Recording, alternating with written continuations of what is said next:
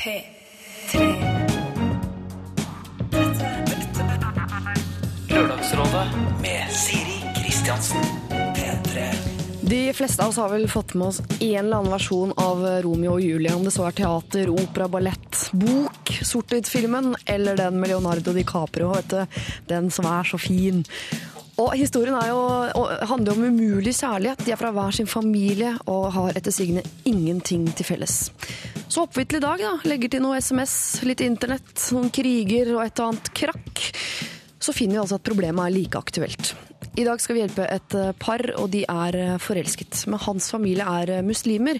Det er ikke hun, og heller ikke han. Men hun ser ingen mulighet for at det kan bli de to, så hva gjør hun? Blir hun for å se om han kan endre seg, om hans familie kan endre seg over tid? At hun en dag kanskje kan bli akseptert? Eller skal hun komme seg ut nå, før det blir for vanskelig? Dette her får jo meg til å føle at jeg sutrer når jeg sitter med triste øyne og ser på oppvaskmaskinen hjemme som ikke er tømt. Sitter og ser på sokkene som ligger i en haug sammen med sportsdelen fra VG ved siden av senga, eller den evige brune flekken i lokførerens venstre hånd etter snusbakinga. Men vi har jo sagt her i Lørdagsrådet at vi tar alle problemer på alvor. Ilandsproblemer er hjertelig velkommen, de også.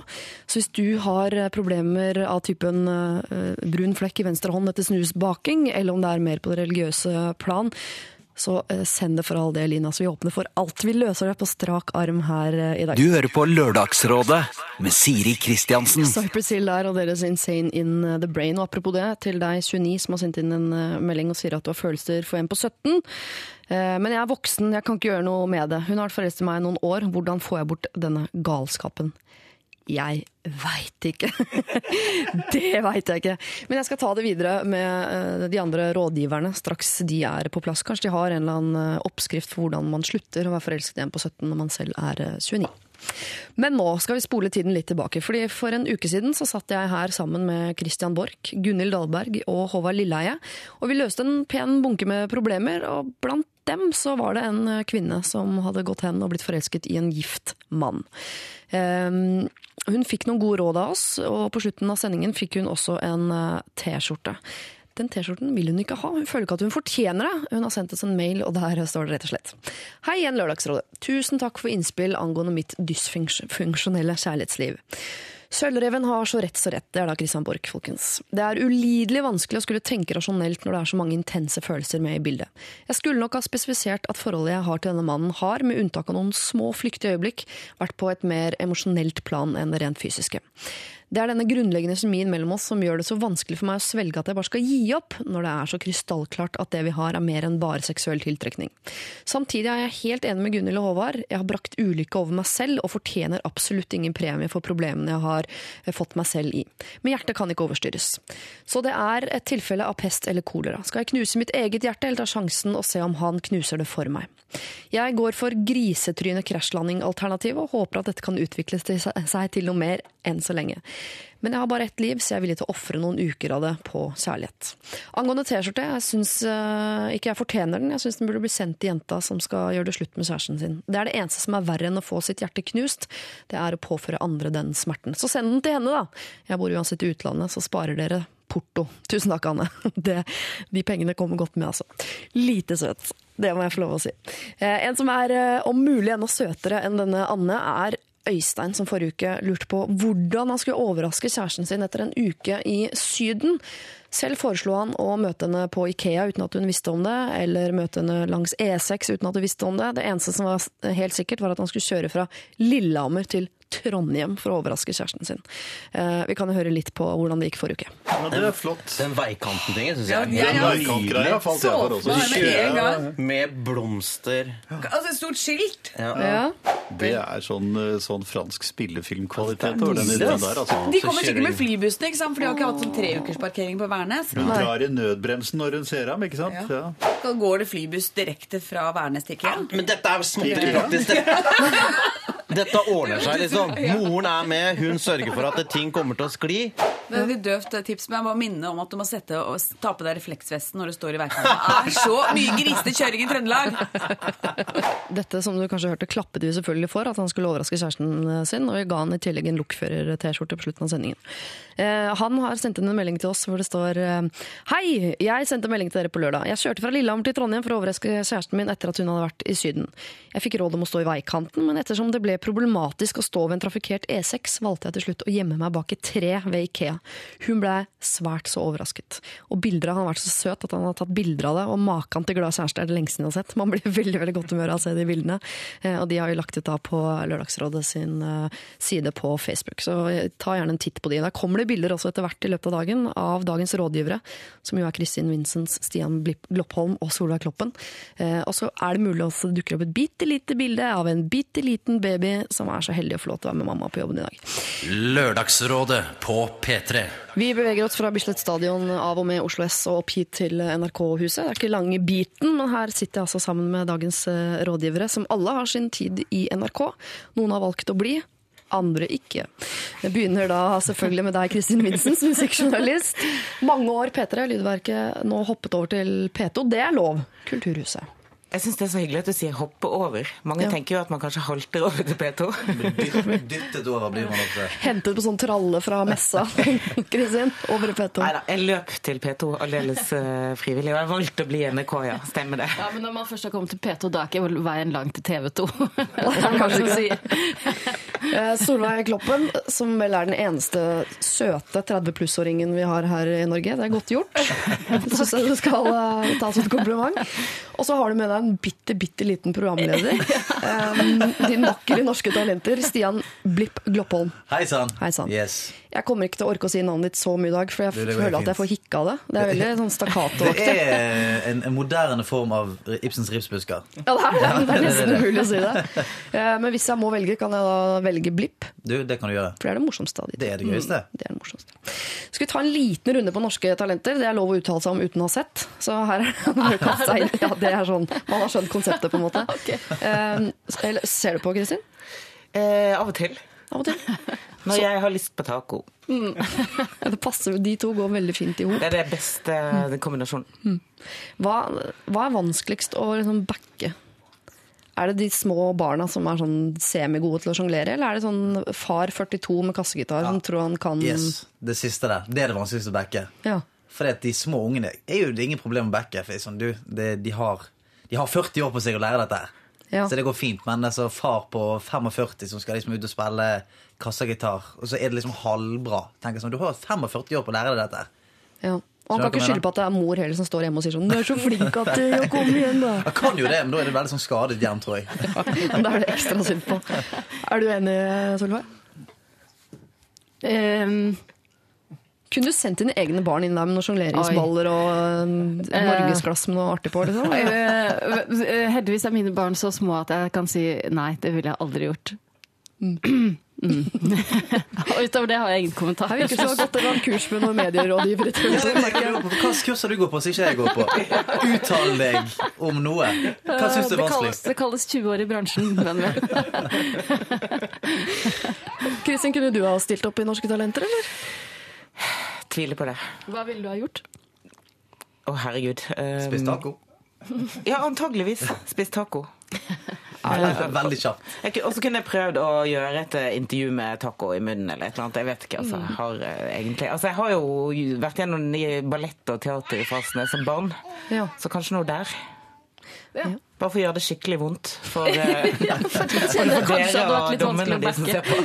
Og da er det du som må backe, Stian. Ja, da backer Kom jeg. igjen, Kristin. Ja, come on! Se fin ut i den tightsen. Kom igjen, ut på! Men du på. kunne jo vært med som deltakerråd. Hvis du ikke vært så heldig å bli plukket opp sånn etter nakken fra TV 2, så kunne du jo fort vekk ha stått utpå der og beatboxa, du. Jeg har jo faktisk vært med. Han som deltaker? Han kom til finalen i 2008. Åtte? var det da? Åtte, ni. åtte. Ja. Den sesongen fulgte jeg ikke så godt godt med på, markedet Du, du har nevnt for lytterne dine at det er en baby i studio, sant? Jeg har nevnt det. Ja, tenkte sånn, Det er veldig rart hvis ikke du nevner det nå. nå. Det er veldig mange som tror det er deg. Han bitte lille Stian og lager noe sånne lyder innimellom. Litt sånn koselyd her. Men du kom på andreplass. Sorry, dårlig research av meg, men Ja, nei, vi, eh, vi kom ikke på andreplass. Vi kom sikkert, eh, altså, vi var i finalerunden. Det er sånn Ja. åtte stykker, så jeg tror vi kom midt inni der et eller annet sted. Ja, Med beatboxing. Ja, og dansing. Og... Men hva tenkte du skulle bli beatboxer når du ble stor, eller? Var det planen? Nei, det var, jeg, jeg tror jeg håper ikke det var planen. Jeg har glemt det litt nå. Men uh, det, var, det er jo et veldig snevert yrke. Det er sikkert meg et show, liksom. Nei, altså, det er sånn, Man blir jo lei etter tre minutter. Hva er planen nå, når du blir stor? Nå når du blir stor Mm. eh, Nei, jeg vet ikke. Finne på noe gøy. Ja, du skal jo videre til eh, Idol, har jeg skjønt, som Stemmer programleder. Mm. Ja. Du følger liksom Solveig ganske i hennes fotspor. Det er jo det jeg egentlig gjør. Jeg går Solveigskolen. Eller Mm. skal bli- Solveiglinjen, som TV 2 kaller det. Du skal bli Solveig når du blir stor, da. kan vi ikke bare si det sånn? eh, dere, hvis det er eh, noen som eh, hører på som har andre spørsmål som ikke jeg har klart å stille, og det er sikkert veldig mange av de, eh, så send inn det også. Vi tar en runde eller to i løpet av dagen i dag før klokka tolv. Da er det P3 som gjelder som kodeord, og nummeret det er 1987. Vi skal spille to, to norske låter på rad her nå, og så skal jeg putte noe smokk i truten på minstemann i studio her. Eh, og så er vi tilbake med et ganske vanskelig eh, problem som inneholder kjærlighet og religion. Lørdagsrådet Sivert eh, Høyem og hans Moon Landing, før det Hanne Kolstø med La La La La Love Song. Synes jeg er en veldig veldig fin sang. Jeg hørte henne på popsalongen her om dagen. Sånn stressa, virka som en veldig klok dame. Vet du noe om det, Kristin, du som er musikkjournalist? Er hun en klok dame, Hanne Kolstø? Ja, hun er faktisk ganske smart, vil jeg påstå. Hun, eh, hun var gjest i P2 forrige uke. Ja. ja, da må man være ganske smart. Ikke hvem som helst som slipper inn i portene Altså, der. Vi har jo en slags IQ-test før vi slipper inn gjestene våre ja. uh, i P2. Hva går den ut på? Uh, det kan jo ikke jeg røpe, for da kommer du til å maile og ringe og poke med den rundt for å prøve å få være gjest hos oss. Hun er ganske smart. Hun var jo fin på Trydekontoret på NRK TV forleden kveld. Ja, Hun har aldri vært i TV 2. Nei, hun er for smart for det. Åh, dette skal vi til gjennomgangssted. Ok, Vi skal prøve å hjelpe en uh, dame som kaller seg selv for uh, tvilende. Hun skriver. Kjære Lørdagsrådet. Jeg er en jente i 20-åra som har et stort dilemma. Jeg har datet en skikkelig bra fyr en stund, og han er veldig, veldig bra. Foreldrene hans er muslimer, men han har fortalt at han ikke er religiøs selv, og at han har hatt noen diskusjoner om dette med familien. Snart skal søsteren hans komme på besøk, og han vil gjerne at jeg skal treffe henne. Men han sier at han ikke vil presentere meg som kjæresten sin, men mer som en studievenninne. Eh, Vi har jo ikke truffet hverandre som studenter, men på en pub. Vi har aldri studert sammen. Dette begrunner han med at han ikke vil at familien hans hjemme skal vite noe om livet hans her. Noe som åpenbart inkluderer både alkohol og dating. Dette kan jeg på en måte forstå, samtidig som jeg syns det er litt rart. Selv tenker jeg at det er bedre om jeg ikke hilser på søsteren i det hele tatt, for jeg er veldig motstander av uærlighet, og jeg har ikke lyst til å involvere meg i en slik løgn. Det største problemet ligger likevel i at jeg ikke vet hva jeg syns om å være sammen med en gutt når familien hans ikke kan få vite om meg. Da kan det jo aldri gå noe særlig lenger. Samtidig føler jeg at vi har noe veldig bra sammen, og at det potensielt kan bli enda bedre. Likevel har vi ikke sendt hverandre så lenge, så hva skal jeg gjøre? Er det noe håp, om, eh, er det noe håp når han muligens aldri kommer til å presentere meg for sin familie? Hilsen Tvile. Altså, Dette her høres ut som eh, et plott fra TV-serien Taxi. ja, helt enig. har sett den. Ja, Eh, vanskelig. utrolig fin serie for øvrig. Men det er jo, der gikk det jo bra til slutt. Der fikk jo, hun ble jo godtatt og alt, hun jenta av hans muslimske familie. Men, uh, Men er de bosatt i, eh, i Norge? ja. Er de det. ja. Så da er jo det en, eh, det er jo en sjanse for at det kan over tid eh, gå bedre hvis hun holder ut, kan du si. ja. Men eh, jeg er jo helt enig, det er jo veldig frustrerende og forferdelig å holde på denne hemmeligheten. Det er jo veldig sånn det er jo en hemmelighet som er så stor i livet ditt når du skal på en måte Som, som det høres ut som, så vil jo hun eh, dele livet sitt med denne mannen, nesten. Høres det Ja, ut som. ja. Og da er jo det mm, Altså det er jo et stort hinder og et stort sånn, sånn torn i siden, og, og hele tiden går rundt med det der. Så jeg, eh, jeg vet ikke hva jeg syns om det. helt mm. Hva var det som gjorde at det gikk bra i taxi igjen? Kan vi følge samme oppskrift? du kan ikke, Det var veldig, stjele oppskrifter! Ok, nei, ok. Men, det, men jeg tenker sånn umiddelbart at dette er jo hans dette er jo, Det er jo først og fremst hans store problem, på en måte. Han lever i to, med et bein i to verdener. Så det er han som må ta det valget til slutt. Hva, ja, hva gjør jeg? ikke gjør det, da? Ja, da blir det jo hennes problem også. Men if, nå, nå virker det ikke som de har vært sammen så lenge, så kanskje de kan prøve å liksom finne ut er dette greia. Skal, skal vi være et team? Og da må jo han klare å stå opp for det. Ja. Ja, for det er kanskje litt tidlig å sette ned den der Ja. Ta et oppgjør med familien din-foten nå når de ikke har datet så veldig lenge. Kanskje hun bare skal møte en søster og være den studievenninna for en kveld, da. Ja. Men da må hun jo ljuge en hel kveld, og hun Ja. er imot uærlighet. Og da må hun finne ut hva hun skal ha studert og sånn, da. Ta no, velg noe enkelt, da. Eller noe veldig komplisert som hun ikke kommer til å stille spørsmål om. Mhm. Mikrobiologi, for eksempel. Men hva med å ta musesteg da, og fortelle det til søsteren, og be søsteren ikke fortelle det, videre, eh, fortelle det videre? ja, spre løgn, ja. Bare for, bare for å se hva søsteren syns om det. For Hvis søsteren sier sånn Nei, gud bevares, det kan, jo aldri, det kan aldri skje. Så vet du på en måte, har du fått en forsmak på hva eh, resten av familien syns. Mm. Da kan du bare gange det med 100, så har du faren. Tusen, faktisk. Ganger med tusen, så har du faren. Men han vil jo at hun skal treffe søsteren, så han må jo på en måte være såpass glad i henne at han har jo lyst til å på en måte snike henne litt inn i familien, om enn da som en studievenninne. Så det Ja. ligger jo et, et litt sånn håp i det, gjør det ikke det? Ja, for først tenker jeg Det er utrolig dårlig tegn at han uh, allerede nå vil ha henne med på en sånn løgn. Um, og det høres jo ut som et plott fra en litt sånn tragikomisk uh, film. Men samtidig det at han vil at hun skal møte søsteren, er bra tegn. Det er jo det. Men er det så lurt å treffe søsteren hvis hun ikke kan treffe søsteren som den hun faktisk er? Eh, Eller skal han få lov til å leve sitt hemmelige liv i fred? Nei, jeg syns jo eh, Jeg, sier jo, jeg, synes, jeg har lyst til å si nei. At, og synes at det ikke er lurt å møte søsteren hvis hun må da være en annen person. For da, det, som sagt, det forplanter bare løgnen så, så mye videre.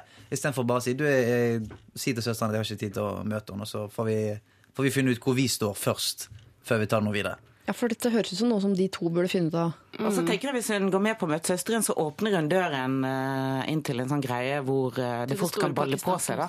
Hvor Med hun flere må løgner, fortsette Ja, ja. å spille roller, og plutselig så har hun blitt så vant til det at det, hun kanskje ikke reagerer på det lenger. Det er jo ikke en Og hvorfor er det så nøye La oss si at, hun, at vi blir med på denne lønnen litt, da, at hun er en studievenninne. Så kommer søsteren din på besøk fra et annet land. Og du må møte en studievenninne av meg. Hvorfor er, det virker jo veldig rart. Ja, ja. Det er jo ikke nødvendig at Jeg ville aldri tenkt at broren min måtte drive og møte de jeg drev og studerte sammen med. Men jeg er litt uenig med dere. Jeg tenker at han kan bare møte den søsteren. Og så, og så, øh, ha, det er en smooth inngang, og så, og så kommer hun til å elske vår, uh, vår dame. Ja, heter hun. Tvilende. og, så, og så skjønner jo hun søsteren, hun er jo såpass klok, hun skjønner at det er noe på gang her. Og så ah, kommer det til å løse seg, tror jeg. Ja, At hun innynder seg den Ja. veien. da, Som sånn, Ja. å, hun, å, har du blitt forelsket i henne? Hun er jo kjempefin. Og, ja, ja. Ja, men jeg tror ikke jeg tror dessverre ikke det er sånn det fungerer i, i de kulturene. At det er sånn Ja, men hvis hun er grei, så går det fint. Jeg tror ikke det er sånn, dessverre. Jeg tror det er såpass firkantet at, eh, at, det, ikke, at det ikke går. Det går ikke an å være så grei at det opphever enhver religion. Nei, Men, det men er det en sjanse for at han kanskje er litt usikker, og så vil han at søsteren skal, Skal møte tvilende for Mm. å gi han en følelse av om dette her er en virkelig bra dame eller ei? Kanskje det er noe der også. Ja, kanskje det. Eller kanskje det hemmelige livet er med vår tvilende. At det viser at han er muslim, og han vil ikke at hun skal vite at dette er tidsfordriv for meg, for jeg har tenkt å gifte meg tre dager i Marrakech om ha 15 år. Ja, med Mm. kusinen min. Det vet vi jo ikke. Nei, det vet vi ikke. Det kan man aldri vite om noen, egentlig. Om at det er den store planen. Petter Stordalen hadde visst seg å ha den planen. Det visste ikke Gunhild noen ting om. Men fikk du møte søsteren hans? Solveig? Skal hun eh, droppe ut nå før det går for langt, altså før de blir for involvert, eller skal eh, og få for mye følelser, eller skal hun satse litt til og se hvor det bærer? Sats litt til, da. Ærlig Ja. talt. Ja, Finn ut av det, dere to. Jeg syns du kan møte søsteren òg. Ikke lag så stor greie ut. Jeg sier, jeg sier sats litt til, men eh, med en gang du får dårlig magefølelse, så eh, trekk deg ut i det. Trekk deg ut i det. Møt kanskje søsteren, men etter det så er det på tide å, å begynne å finne ut hva han egentlig driver med. Ja, Fortsett litt til, er Ja. felles Ja. her, føler jeg. Og så møt søsteren med mindre det gir en veldig veldig dårlig magefølelse. Da dropper du ut, og ikke bli med på den der eh, løgnaktige Ja, verden ikke bli- ikke bli med til familien neste uke som, som er noe annet. Nei, da er det plutselig en fra Som jobben. Ja, ja. Det Var ikke du studievenninne? Du sa til pappa at han var, hun var hun som jobbet på Kiwi. Ja, nei, det- godt. mm, Hvis plutselig den der nettefilmen til Sandra Bullock virker som en veldig sånn som en sitcom, da må du trekke deg ut. Du hører på Lørdagsrådet med Siri. Og der fikk vi Madian og deres uh, finale. Final. Kall det hva du vil. Eh, vi skal eh, hjelpe en uh, blind mann. Ok. Ja, eh, så Stian Blipp og Kristin Vincent, Solveig Kloppen, hør etter. Hei og hopp, står det her. Dette er kanskje et spørsmål som ligger litt utenfor det vanlige her i Lørdagsrådet, men siden dere er en gjeng med temmelig kapable folk, så spør jeg allikevel. Eh, jeg er en gutt på 20 år. I kveld skal jeg ut på en konsert, men før det skal jeg på vorspiel sammen med en del gode venner av meg. Jeg er ikke spesielt glad i øl, og siden vi skal på konsert etterpå, er det utrolig irriterende å gå på do hele tiden pga. all den øldrikkingen. Dette er jo dessuten også upraktisk eh, for, uh, å gå på do hele tiden på konsert, fordi jeg er blind, og dermed blir det uh, vrient å alltid måtte dra med seg en annen person for å gå på do. Spørsmålet er derfor, hvilken type alkohol anbefaler dere for denne kvelden? Det må være noe som er relativt sterkt, så jeg slipper å drikke så mye av det, men samtidig ikke så sterkt at jeg plutselig blacker ut. Altså klokken er Blacker 09.43, det er NRK, ungdomskanalen. Litt sånn alkoholtipsing nå. Men uh, unnskyld. Du rekker opp hånda, det er kjempefint. Hun er så flink. Klassens duks. Eh, jeg lurer på når man nå, Er han nylig blitt blind, eller er det sånn at blinde må dra med seg en annen for å gå på do alltid? Jeg trodde de kl Ja, men- Jo, på konsert masse mennesker Ja. og kanskje Ja, ikke vært der før. Ja, men hvis man går opp den løypa én gang, Så finner, så finner han den? Gjør han ikke det, eller? Det vet vi ikke. Det vet vi ikke, men altså, okay, den massen ja. rundt beveger seg hele tiden. Så plutselig han sier. Ok, vi må Ja, stole ja, det syns jeg. Er du sikker på at du er blind? Ikke, bagate- ikke bagatelliser hans blindhet. nei, nei, nei, nei. Ok, videre. Alkohol. Ja. Jeg er sikker på Hvis jeg hadde vært hjemme hos han, så hadde ikke dette vært et problem. Nei, det håper jeg ikke. Ok, Men eh, jeg, går- jeg, jeg syns han skal gå rett på shots. Ja. Rett på shots. Du Der syns har ikke, du det er, eh, du syns ikke det er et element av uh, blacke ut der? Ja, men eh, hva, er det, hva, er- ok, hva er det verste som kan skje? Hvis, kan blacke ut. ja, men hva er det verste som kan skje hvis du blekker ut? Og er blind? Jo, men, Ikke gå der. Ikke gå dit. Vi kan ikke men hvis, han, hvis han har med seg eh, folk som hjelper han, Ja. så går det veldig greit. Og det er jo gøy til å, ble, det er, det er gøy til å blekke ut en gang iblant. En liten blackings. ja, så syns jeg rett og slett skal bare ta, Hva ta sjansen på det. hva med karsk, eller kaffedoktor, som det heter andre steder? Altså Den blandingen av kaffe og Ja. hjemmebrent så jeg i all sin eh, jeg vet ikke om jeg skal si prakt. Ja, jo, Eh, På Storasfestivalen for en del år siden Der var det for å gjøre noe lydverkegreier eller et eller annet. Ja. Og der var, drev folk og døgnet noe så voldsomt på denne blandingen av kaffe og sprit. Så kanskje det kunne vært noe. Altså okay. Kaffe med vodka Ja. i, for eksempel. Ja, da legger du en tikroning nederst i koppen, heller på kaffe til den ikke syns, og så heller du på sprit til den syns. Da må du. Og kanskje få en hjelp. Da må han ha hjelp. Da må han ha hjelp. Men hvis det er forspill, så får han noe hjelp. Der er det folk. Men jeg tror at det handler ikke om typen alkohol. Det handler om aldri åpne krana, altså tissekrana, ikke begynne å gå på do. For det, når du først har begynt å gå på do, da, er, da, da må du hele tiden. Men dette er, ikke noe, dette, er ikke, dette er ikke vitenskapelig bevist. Jo. At hvis du først begynner å gå på do, så må du gå veldig mye på do hele tiden. Nei, det kommer an på hva du kaller I selskapspleiermiljøer Ja. så er dette Så, et kjent ja, ja, faktum, vil jeg påstå. Okay. Men ok, for å ta det litt seriøst igjen, og spørre, må han drikke seg mongodrita for å eh, ja, kose seg på den konserten? Nei, han er jo i hvert fall ute etter å slippe å blacke ut, så et eller annet sted under der og edru, mellom der og edru okay. er han på jakt etter. yes. Men hva skjedde? Det er ingen som foreslår vin? Altså, Men Nei, eh, nei. veldig god rødvin. Ja, Hvilken ja. konsert er det han skal på? Er det Silje kveld, har du ikke oversikt? Hvem spiller i kveld? Så ja, hvem spiller Ja. i kveld? Ta Eh, fra nord og nedover. Nei, altså Hvis han skal se Bjørn Eidsvåg, eksempel, så kunne han jo eh, spandert på seg god Amarone. Mm. For Bjørn Eidsvåg eh, Det er i hvert fall jeg lest på Twitter. Ja. Han, Men- har jo, han liker jo å drikke Amarone Men- og tvitre, og så slette det han skriver. Den det, billigste Amaronen begynner på 199 kroner. Og han, dette er en mann som er 20 år. 20, ja. Ja. Han er mer nedpå 79-aktig. Husets rødvin. Ja, for du går ut ifra at han er student? Ja. Ja.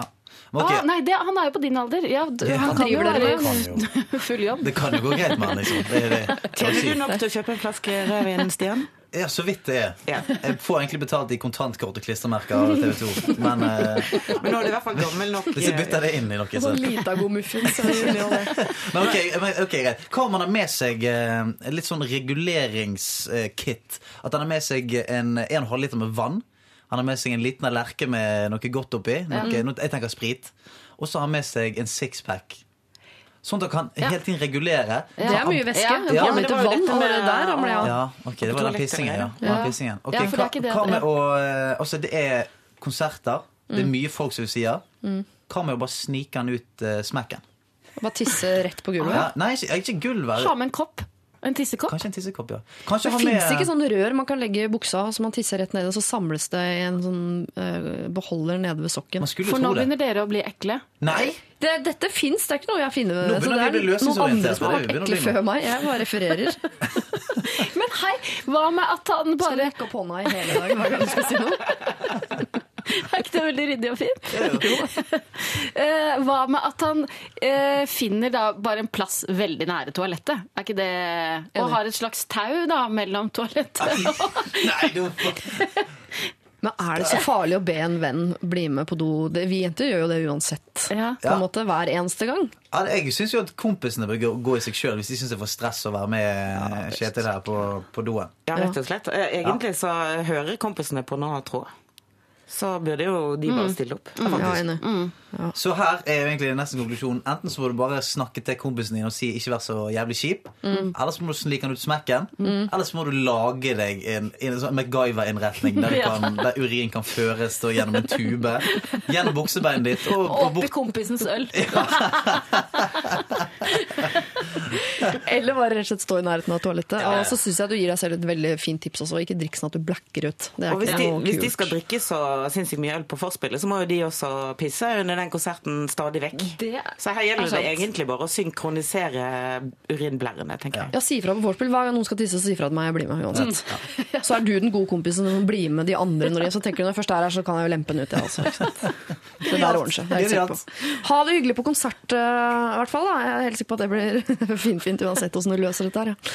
Vi skal høre Adele, 'Someone Like You', her i Lørdagsrådet. Snoop Doggy Dog der, Who Am I, som jo bringer tilbake noen ordentlig gamle, gode minner, for å si det sånn. ja, ja, Fra den tida der kompisgjengen gikk rundt med bare øverste knappen eh, kneppa i skjorta og trodde de var gangstere på Mm. Bjølsen på 90-tallet.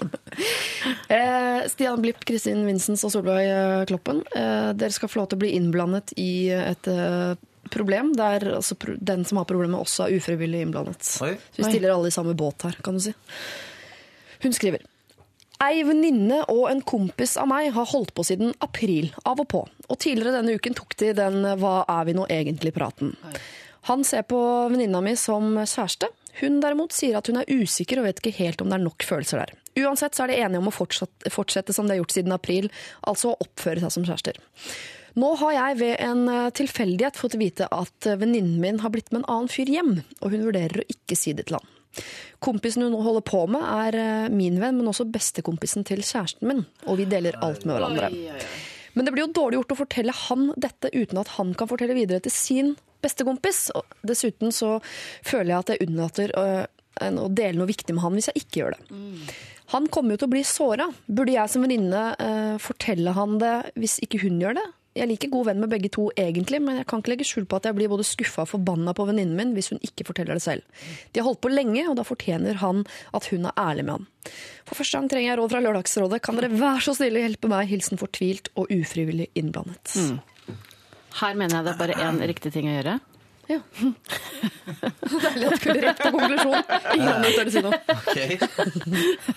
Eller det kan være flere alternativer, da, men jeg ville jeg- Jeg tenker hun må jo bare gå til den venninnen og si Vet du hva, dette eh, må Nå må du finne ut av ting. Og jeg, dette er så vanskelig for meg å, å ikke fortelle det videre til min, altså vår gode kompis. Så enten så forteller du det, eller så gjør jeg det. Ja. Eller så, eller så slår du bare Eller så kutter du ut det opplegget du har med han. Ja, hvis hun kutter det ut, kan Ja. de da la være å fortelle om om dette kaller jeg gjerne utroskap. Altså, det er et slags form for utroskap, selv om ikke de på papiret er sammen. Ja. For hun, hun er jo veldig klar på at, hun, eh, at de ikke er sammen. Mens han er det. Nei, altså, Den praten har de jo tatt, så han vet hvor landet ligger sånn sett. Ja. Okay. Ja, men de har holdt på siden april. Og hvis man har holdt på i så mange måneder, så er det vel en regel på at man ikke ligger med andre selv om man eh, ikke er kjæreste, definert som kjæreste? Jeg tror det kommer litt an på om man, eh, hvor man bor. I USA Ja. så kalles det dating, og da tror jeg Ja, for skal det er til den exclusive dating, og så, oh, ja. og så på slutten hver gang sier de sånn I think I'm falling in love. Ja, så kommer musikk på og sånt. Men hun høres jo ut som en sånn pose- og sekkdame. Altså, hun vil eh, være sammen med han som om de er kjærester, men samtidig kunne gjøre akkurat som hun vil. Mens han er dritforelska. Og det- Der er det en litt kjip ubalanse, syns jeg. Men skal da innsender ta hensyn til uh, frøken Pose og sekk? Eh, Som sagt, jeg er helt enig med Solveig. Du må bare gå til venninnen og si du, dette her må du si, uh, for det er, det er helt jævlig. For hvis hun sier det til Hvis hun sier det, så vil jo det være Og vil den falle fra hverandre, hele den gruppen der. For det høres ut som det er relasjoner i alle ledd til hverandre. Så hvis det hvis hun, innsenderen her nå sier det til han typen, så vil jo venninnen bli sur på hun, han vil bli sur på bestevenn, bestevenn så altså, Alt vil bare falle fra hverandre, det vil bli ødelagt hele greien. Kontra hvis eh, hun venninnen finner fram ballene sine, og eh, hvis hun har det, selvfølgelig, Ja. og sier til denne vedkommende du, dette er, eh, altså Det er jo ikke en så kjempebig deal heller. Er sånn, du, jeg, var med, jeg var med en fyr hjem eh, en gang, og det betydde ikke noe særlig. Du, jeg er fremdeles, fremdeles holder på med deg. Men tror du ikke på en måte det løpet mellom de to er kjørt? De har hatt praten, han vil ha kjærester, hun vil ikke, går og ligger med en annen. Jeg tenker, de to, Det blir ikke de to. Nei, så frøken Pose og Sekk har jo egentlig bestemt seg. Hun må bare få fortalt det til eh, eh, kompis. Ja. Sekk, kaller ja, han. sekk. Ja. At hun vil ha bare pose. Hun vil ha pose, eller flere poser. Mange poser i en sekk. Det er veldig rotete, men det er akk så tydelig allikevel. Eh, Men eh, kan hun eventuelt, da, jeg bare skisserer opp et eventuelt her, fortelle til kjæresten sin, for det er også en uskreven regel når vi først beveger oss i det landskapet der, at man forteller alt til kjæresten sin, også de tingene man ikke har lov til å fortelle videre. Og så hvis han da forteller videre til sin bestekompis, så er det sånn Ops, ja ja, når du roter i en konstellasjon som, hvor det er såpass få ledd, så, så kommer det for sin dag. Det gjør ofte det, altså. Men jeg, skal, man, skal man fortelle alt til kjæresten sin? Ja. Man skal det. Jeg syns det. Ok. Til og med så kan potensielt skade noe. Jeg må ha et eksempel. Tydeligere enn Jeg har aldri vært oppi en sånn situasjon. Hvis jeg Nei. sier noe høyt, så er det noen som blir skadet. Det føles litt sånn uh...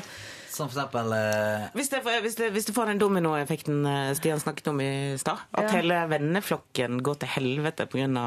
Et one night stand, så er jo det egentlig ganske Ja, skadelig for Ja. en Ja, ja. gjeng mennesker som kanskje er glad i hverandre. Ja, og uansett I dette tilfellet så handler det jo først og fremst om po- frøken Pose og Sekk. Ja. Eh, Så det er, hun, det er henne hun, Det er hun får som er snakke med først. svulsten Ja, ja. i dette. Men hun eh, risikerer jo å miste en god venninne. For vi kan jo ikke si at frøken Posesekk ikke er god venninne og ikke er et bra menneske Nei, sånn, nei, bare fordi hun har gått på en smell. Så hun er risikerer jo å miste en god venn her hvis hun stiller det ultimatumet sånn Nå har du 24 timer på deg til å si dette her, hvis ikke så gjør jeg det. ja, men hun risikerer jo å miste både kjæreste og, og kompis hvis hun ikke gjør det. Så Ja.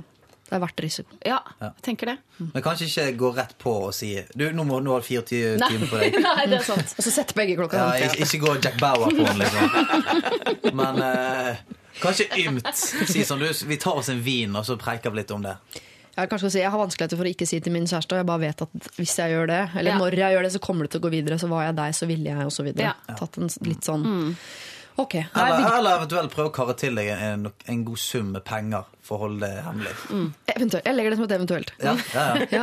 Altså Prøv å se et vinning i greiene. ja. Det virker som er at vi er ganske enige om at uh, dette må du dessverre, selv om det er ufrivillig innblandet, uh, rydde opp i. Så her må du gi venninnen din en sjanse å si fra selv, eller så er det faktisk opp til deg å få fortalt det. Så ikke skal du miste hele vennen. Den kan gå i oppløsning. Alle mister hverandre. Eller eh, så kan du selvfølgelig gjøre det om til et spill, som Stian Blipp foreslår også, sånn at du kan vinne penger. Ja. Fra alle ledd. Fra Mye alle ledd. Det er et slags pyramidespill. Ja. Lørdagsrådet Sære lørdagsråd. Jeg har et problem som oppstår flere ganger i uka, og som plager meg ganske mye. Jeg blir så utrolig utålmodig i løpet av lange møter. Hvis møtet varer noe særlig mye lenger enn én time, så sitter jeg helt på kanten av stolen og er veldig glad for å gå. Jeg greier ikke å konsentrere meg om møtet lenger, og hver gang noen kommer med små ekstra innskytelser og spørsmål som bare forlenger møtet, så kjenner jeg at jeg blir veldig irritert og på grensen til aggressiv. Jeg får jo ikke endret på møtene. Disse er jo en del av jobben min, som jeg ellers liker veldig godt. Sånne irriterende folk som drøyer ut møtene, kommer sikkert for alltid også til å eksistere. Derfor er det vel meg jeg blir nødt til å endre, slik at jeg kan holde ut litt lenger, og kanskje ikke bli så fryktelig irritert. Alle råd mottas med takk, og jeg er villig til å prøve det meste. Ærbødigst hilsen Ingvild. Ja. Dere tenkte at det er en mann, ikke sant? Helt til jeg sa Ingvild. Jeg gjorde det. Ja. Ja, veldig faktisk. Mm -hmm. Jeg tenkte dette kan jo være en del folk jeg kjenner. Jeg er hun irriterende som stiller ekstra spørsmål på Er slutten. du det? For jeg elsker møter. Jeg får ikke nok av det. Det er bare prat satt i system. Jeg får ikke bedre enn det. En kamerat av meg har et triks han bruker i mange sånne sammenhenger, annet hvis han føler at møter drar ut og sånt. Og det er, det er et triks som heter telefontrikset. Ja. Det er at man plutselig får en telefon, og bare må unnskylde seg ut av møtet. Jeg lurer på om vi kanskje har en felles bekjent her, eller om det er et vanlig triks. For det- Men er ikke, blir ikke det også irriterende på sikt hvis jeg er samme hvis Trond hver gang på slutten av møtet sånn Oi, kjempeviktig, folkens! At han blir viktig Per da? Jeg vil påstå at det er veldig gjennomsiktig. Og, Ja. ja. for det Trond må passe på da, for jeg kjenner en veldig veldig eh, godt eh, eh, som har, pleier å ta det trikset hvis han ser folk som han øh, Ja. ikke orker å, å Ja, ja, ja. mm, snakke med. Ah, ja. Mm. Det som skjedde en gang da, var at han eh, tok telefonen lot som han pratet, og så ringte telefonen. Nei, men da, da pleier han bare å si sånn Du, nå ringer det samtidig som jeg snakker med deg Altså. Mobilen min er så iPhone 5, det er så bra. Så det, man, man får trening i det. Man må bare lære seg det.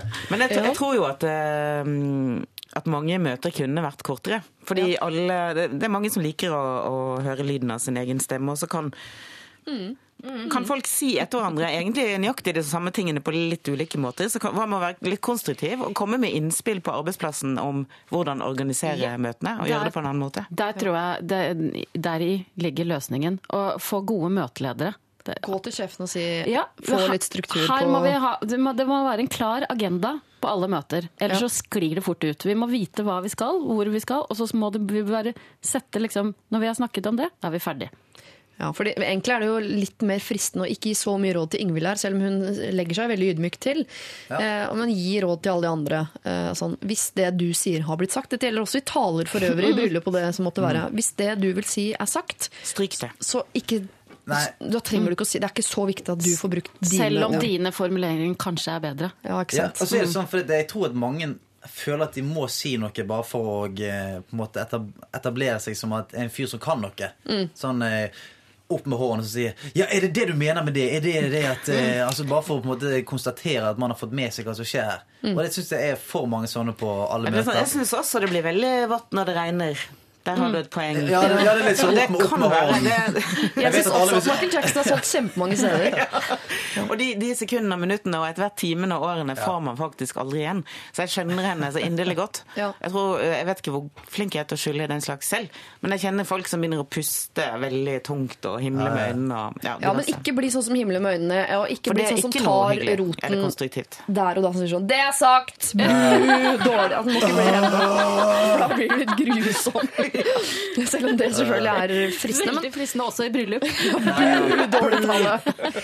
Men hva, har dere hørt om bullshit-bingo? Bullshit-bingo. Ja. Nei. Ja. Er sånn, Det er en del ting som du vet blir sagt i løpet av et møte. Så lager du et lite bingoskjema, og så krysser du for sånn hver gang noen sier f.eks.: eh, 'Dette er kanskje sagt, men' kan være en rubrikk. Da krysser du av. Så det, har du og to andre, du allierer deg med andre i rommet. Ja. Og så er det om å få da tre på rad eller Ja. sånn først. For da kan, du ha, da kan du ha oppe den der eh, Jeg vet at det er sagt, men Og du kan ha oppe den eh, For å si som eh, Iselin sa Mm. sånn, Den kan vi ha. Ja. Og så kan vi ha ting som um... Jeg vet ikke om dette er så viktig, men altså, altså, Det er en del sånne ting som blir sagt alltid. Ja, Jeg vet at folk vil hjem høyt- men- ja, Nå tenker jeg høyt, altså. Men eh, Nei, du snakker. Det er det du gjør. Men, men, men kanskje sånne ting som Altså ha en litt sånn eh, Kanskje ha et møte på det. At eh, hvis man, eh, hvis det er noe som ikke trengs å ta i plenum, når du kan ta med sjefen etterpå og dra den til sides, så trenger du ikke si det i møtet. Jeg hadde en idé til et sånn reality-program eh, en gang for en del år siden hvor eh, jeg var eh, i en forbindelse hvor man kan si at det var mange av det man kan kalle møteplagere. De som Var det i borettslaget? Eh, nei, det var i studiesammenheng. Men eh, jeg tenkte hva med å ta de verste møteplagene i Norge og sette dem på en hytte, og så kan de sitte og argumentere hverandre altså, i hel, helt til den sterkeste sitter igjen. Ja. Det var gøy å sitte alle toppkommentatorene på VG sitt sånn kommentarfelt sammen til å er diskutere rasisme og Dere slipper ikke ut herfra før dere er enige. De kan ha, de kan ha et slags søndagsråd. Ja, hvis ikke de slo ut derfra før de ble enige, så hadde du kommet opp på denne hytten, så hadde det bare ligget skjeletter igjen der. For Én boks sodd på deling. Men ok, greit, bare sånn, for vi, bare sånn før vi eh, slutter av her, så må vi bare si, må vi prøve å gi hun noen råd, da. Ja. Ja, Ingvild. Ja. Ja. Hun har fått bullshit-bingo og telefontrikset. Det er to veldig. Men- men Kanskje råd. å lukke ørene og dubbe eh, de rundt seg med en ny stemme. Ja. Ja, Sånn at man kan bare ligge tekst til eh, munnen på folk. Er det det ungdommen driver med nå? Som vi, når vi var unge, da, så sa vi se de for deg nakne. Men nå er det tydeligvis Og dubbe de. Døbbe de. ja, Du kan dubbe er- de med så morsomme stemmer og sånt. Og så, så blir det gøy. Så hvis du bare lukker ørene, Ja. og så snakker sjefen din, men så forestiller du at han snakker sånn Alle sammen! Er økonomisk vekst her! Så, så, så koser du deg. Sånn, han har veldig rar stemme, sjefen vår. Ja, men det er faktisk smart, for da kan du få med deg innholdet i møtet allikevel. For det er dumt å lukke ørene helt, og så Ja, ja. kommer du til møtet, og så aner du ikke hva som har blitt sagt. Så plutselig har du faktisk gått med på noe sånn eh, nå skal vi jobbe én uke på og én uke av, 24 timer i døgnet. Altså, så har du ikke Du har rukket opp hånda, ikke sant. Ja. Gode, konkrete tips til deg der, eh, Ingvild. Jeg vil gjerne høre altså, tilbakemeldinger fra deg på om du har brukt noe av dette her, mm. og hva som fungerte i praksis. For dette syns jeg er fine råd å gi til folket generelt, for dette er jo dette er et veldig stort problem, folkens. Mm. Eh, men det er det. Ja, teknikeren fnyser av meg. Du kunne bare skrudd av mikken min du synes det blir for blabbete. Eventuelt slippe en heavy due inne på eh, kontoret, sånn at alle har lyst til å stikke ut kjappest mulig. Ja, men da må du skylde på noen andre, for da blir det også Det er nesten bedre å si bu! Dårlig. Matilda, when something ends skal vi gjøre, og du må gjerne dele dine problemer med oss. LR alfakrøll nrk.no, og vi lover å ikke si bu! Dårlig når vi leser det. Vi skal prøve Ida Råd. Lørdagsrådet. The Killers og Runaways har vi hørt, og også Matilda When Something Ends. Lørdagsrådet i dag skal eh, pløye gjennom en pen bunke med problemer, men jeg har også eh, fått inn noen spørsmål til dere som sitter i rådet i dag. Ok. Eh, Kristin Vinsens, Stian Blipp og Solveig Kloppen. Jeg tenkte dere skal få et hver. Oi. Jeg kan begynne med deg, Kristin, for her er det en som har sendt inn Jeg sendte inn spørsmål for noen uker siden eh, til Asbjørn Slettemerk, og nå spør jeg deg om det samme.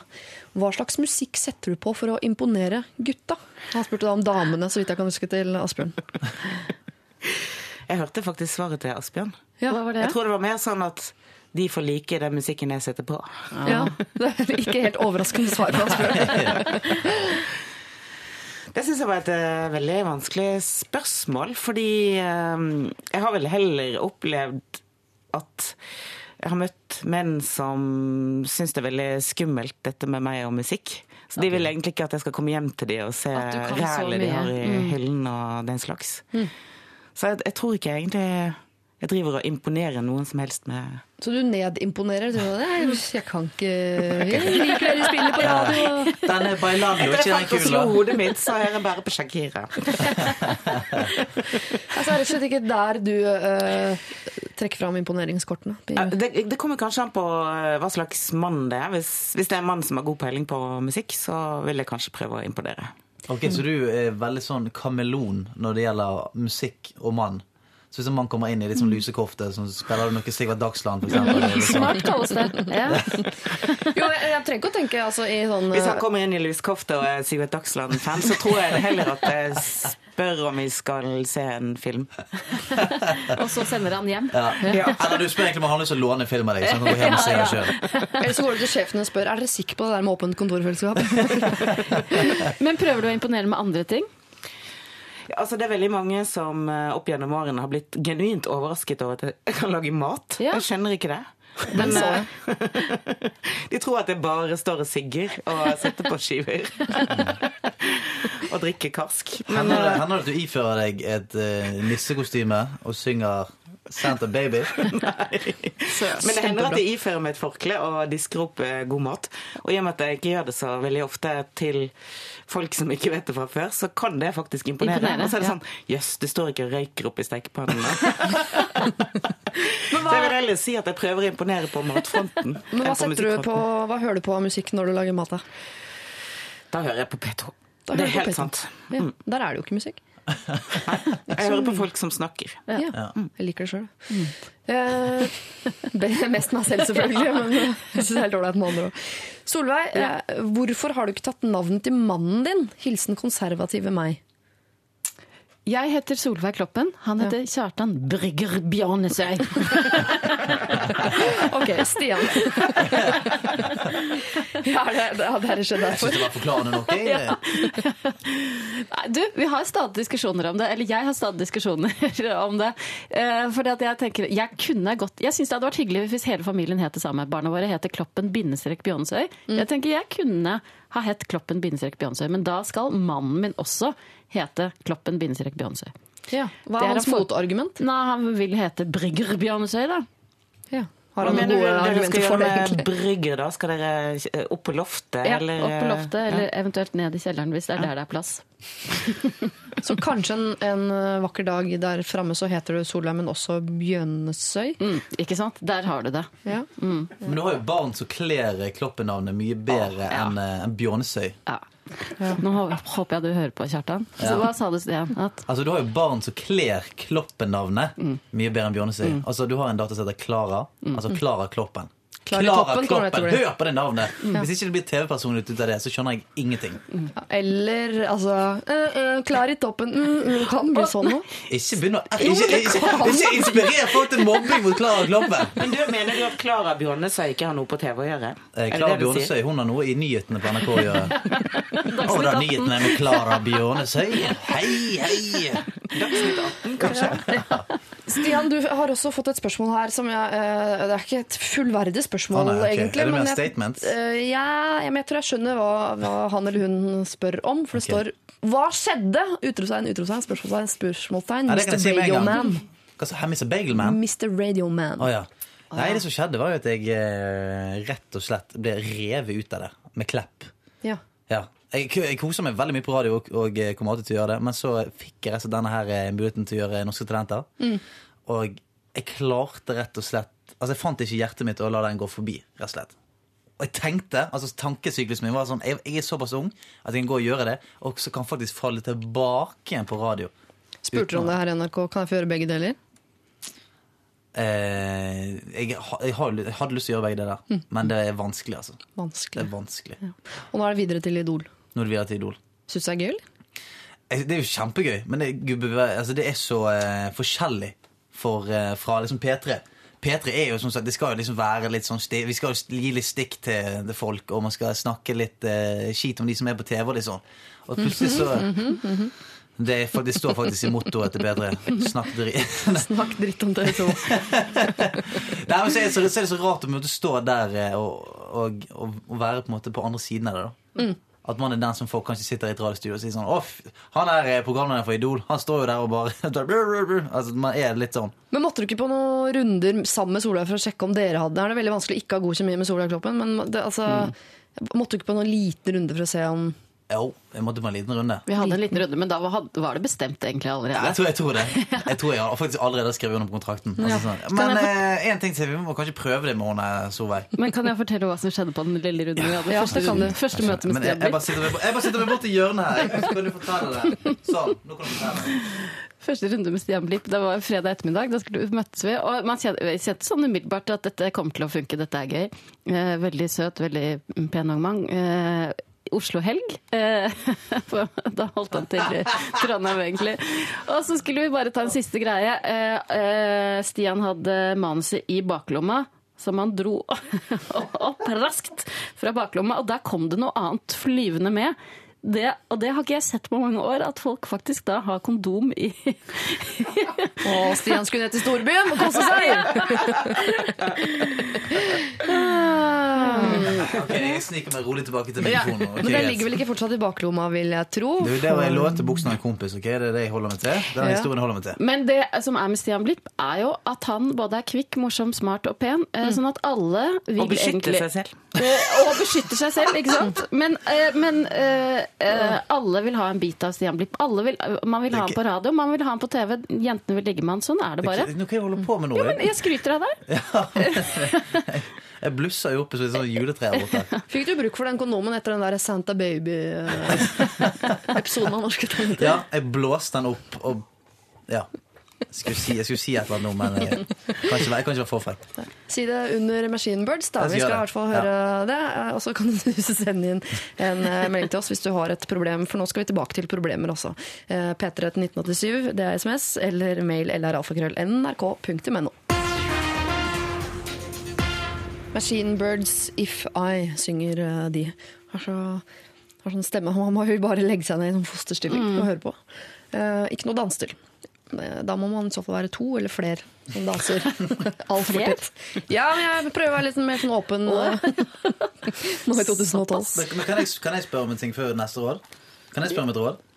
Sånn som du sier, eh, dansing og sånt. Hvis man, hvis man er på la oss si et uh, nachspiel, det åpnes en, en flaske vin og sånt, og man, kan man by opp til dans da? Ja. Til en sånn rolig sang?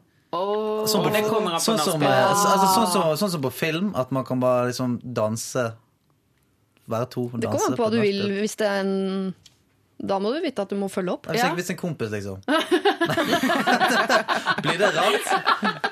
Jeg bare spør for en kompis jeg skal som har danset prøve. med meg. Jeg skal prøve å sette meg inn i rollen som jeg er på nachspiel med Stian Blipp fra TV 2. Han åpner en rødvin og spør om vi skal danse. Ja, det kan funke.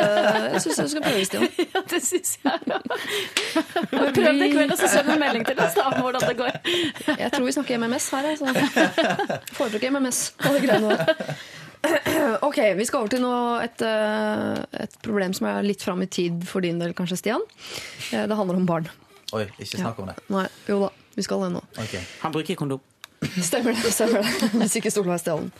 Hei, Lørdagsrådet. Jeg har ett problem. Jeg har én kondom som jeg Til deg som nettopp skrudde på, så virker dette helt sykt. Men altså, Stian har blitt fersket i å ha kondomer i baklomma. Eh, derav denne kontinuerlige mobbingen eh, fra nå og fram til klokken tolv. Jeg har ett problem. Jeg og min venninne har vært veldig gode venninner siden fjerde klasse, altså nå i 14 år. Nå er hun gift, har tre barn, mens jeg er singel og barnløs. Problemet er at jeg ser henne nesten aldri lenger. Jeg prøver og prøver, men hun har alltid en unnskyldning for ikke være med og finne på noe. Men når hun trenger barnevakt, ja, da spør hun meg, og jeg sier alltid ja. Jeg er fadder for to av barna, så jeg føler jeg må. Så what to do? Fortsette å være god venn, skråstrek barnevakt, eller med vennlig hilsen frustrert? Det er veldig mange som kaller seg frustrert her Altså. um, ja. ja. Jeg er imponert over venninnen som er 24 år og har klart å få tre barn. ja, det er jeg enig i Hvordan har du kommet fram til 24? Tok du hvor De hadde vært, eh, de hadde vært venner siden de gikk i fjerde klasse. Og da er man Da er man 10 år, og så har de vært venner i 14 år. Det blir 24. Det blir 24. Oi, se der. To ukjente. Mm. Mm. X i andre. Ja. Uh, ja.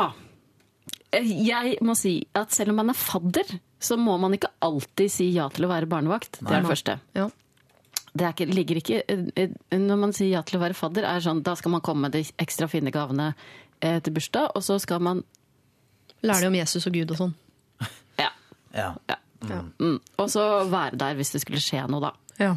Bank i bordet. Bank i bordet. Ja. Men- ikke noe om barnevakt i den eh, Derfor er jeg litt usikker på hva hun spør om her. Om hun kan si nei til det her med barnevakt. Eller det jeg får mest inntrykk av, er at hun er lei seg, for hun får aldri sett venninnen sin Ja. mer. Og Ja. trenger vel egentlig råd til hvordan kan jeg få mer tid med min venninne, og ikke de jævla ungene hennes. Ja. er vel det hun på en måte spør om her. Men eh, hun må jo ha litt forståelse for uh, at hun venninnen har da tre barn uh, som sikkert da er mellom null og fem år, da. Ja, Ja. antageligvis. Da har man dessverre ikke så mye tid til annet annet rask. Nei. Hun bør jo eh, for det første smøre seg med tålmodighet. eh, Og kanskje utvide vennekretsen sin eh, litt, tenker Ja. jeg. Fordi når folk får barn, og ikke minst eh, flere barn, så, så blir det mindre tid, som Solveig sier. Ja. Men hun er jo lei seg. Burde ikke denne venninnen, selv om hun har fått tre barn, ha noe plass i hjertet sitt til denne 14 Altså i vennskap i 14 år? Det skal jo bety noe, det òg. Det må dere som har barn, nesten svare på. Ja, ja, det må vi ordne opp i. Ja. Nei, nei, men det er sånn som du sier at du har du har to barn. Er det sånn at Når man har to barn, så er det sånn at man er, man er vekke fra omverdenen i to år? To! Ti! Litt. Litt. Man er jo det. Altså, Ja. ytterste ledd forsvinner. Det er sånn bye bye, ses på reunion, kanskje. Ja. Eh, det er ringen innafor. Ikke så ofte. Altså, men de, jeg får inntrykk av at dette er liksom bestevenninner. Ja. Venninner i 14 år, hun har fadder til to av tre. Ja. Altså, de er virkelig close, da. Men dessverre akkurat nå på litt forskjellige steder i livet. Men det jeg skjønner kan være litt sårende, er jo at hun åpenbart spør ganske ofte om, best, om hun kan være barnevakt. Om frustrert kan være barnevakt. Hva er det hun holder på med da? Ja, ja. Ikke sant? Kan, man ikke, kan ikke hun heller få en annen barnevakt, og så kan frustrert og, og bestevenninne gå ut og gjøre noe hyggelig? Helt Enig.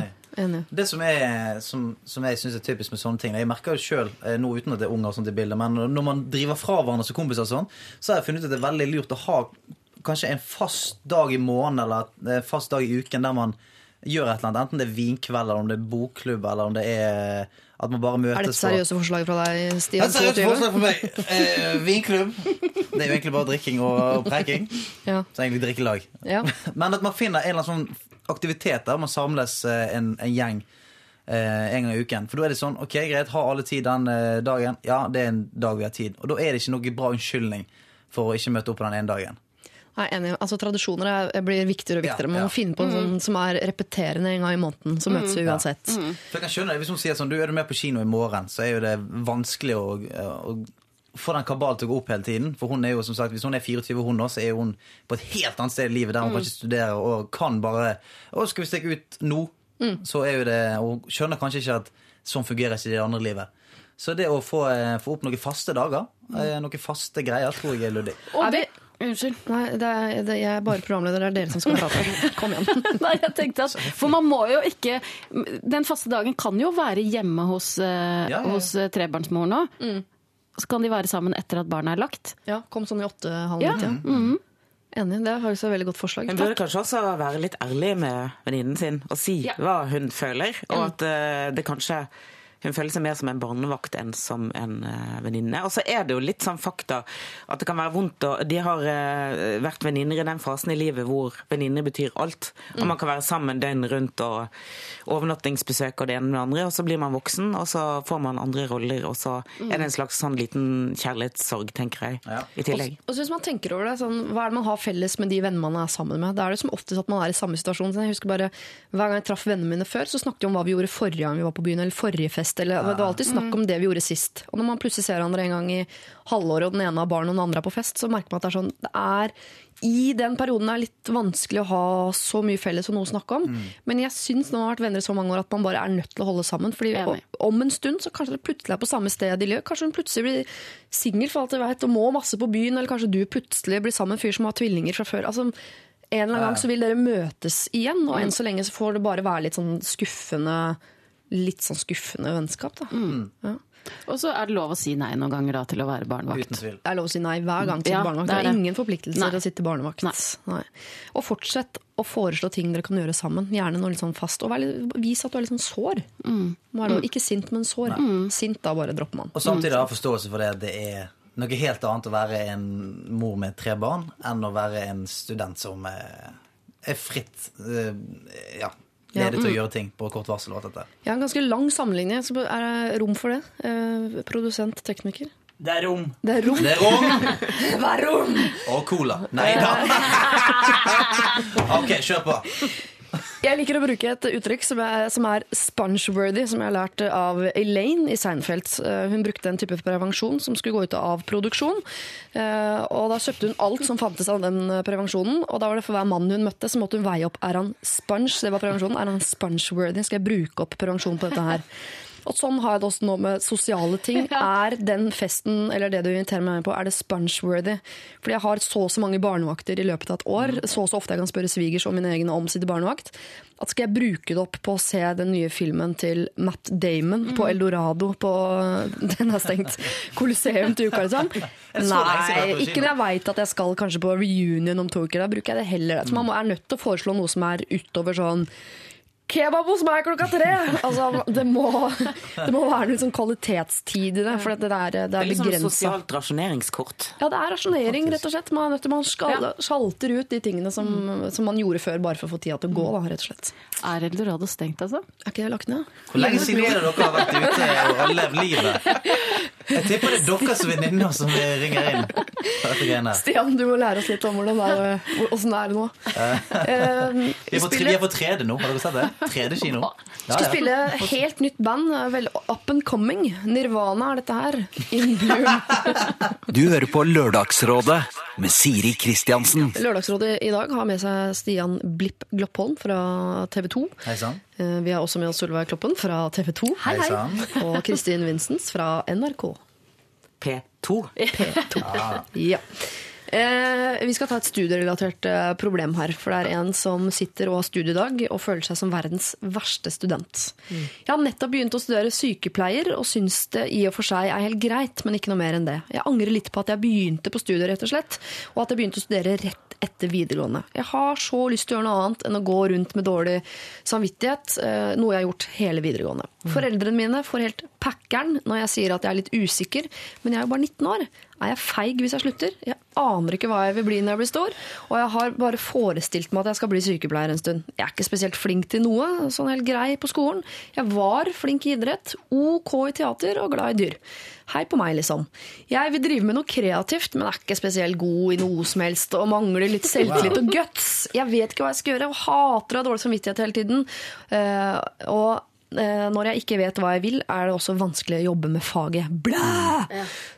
Altså, hun spør vel egentlig om råd til eh, Hun spør nesten om kan jeg få tommelen opp folkens fra noen andre enn foreldrene mine på å slutte på sykepleien. Altså, det, det å spørre meg om sånne råd er jo kanskje ikke representativt, i og med at jeg sluttet jo etter ungdomsskolen på skolen. Men det jeg jeg har lært, er at du kan ikke gjøre ting som du ikke blir inspirert av i det hele tatt. Så hvis du sitter på skolebenken da, og nå, og du allerede har angret veldig mye på at du valgte dette her, du sitter der og syns at dette er kjipt, og du ser på en måte Altså, det er ingen lys i enden av tunnelen, ingen gulrot, så syns jeg du skal eh, slutte. Og det er ingenting feigt, det er bare lurt. Og eh, du sier du ikke vet hva du vil, og du har vært litt flink i sport og vært litt flink i teater, og det eh, virker som dette er i noe som har gjort deg glad før. Så jeg vil jo foreslå å ta et år på eh, folkehøyskole. Ja, rett og slett. Ja. Typ Gjør Romerike folkehøyskole. Gå og bare være med masse kreative folk, og bare være i den sfæren der et år. Og bare få alle impulsene. Og da eh, Det tror jeg er mye mer givende enn å sitte og, og tenke oppi sitt eget hode med et ark foran deg, så du ikke du, du skriver egentlig bare veldig apatisk på det arket og leverer inn oppgaver og hater livet. Åh, jeg er så enig. Jeg tror foreldre undervurderer hvor Altså, de har gått tolv år på skole. Er ganske, de, har, de, har, de har jo gitt en del.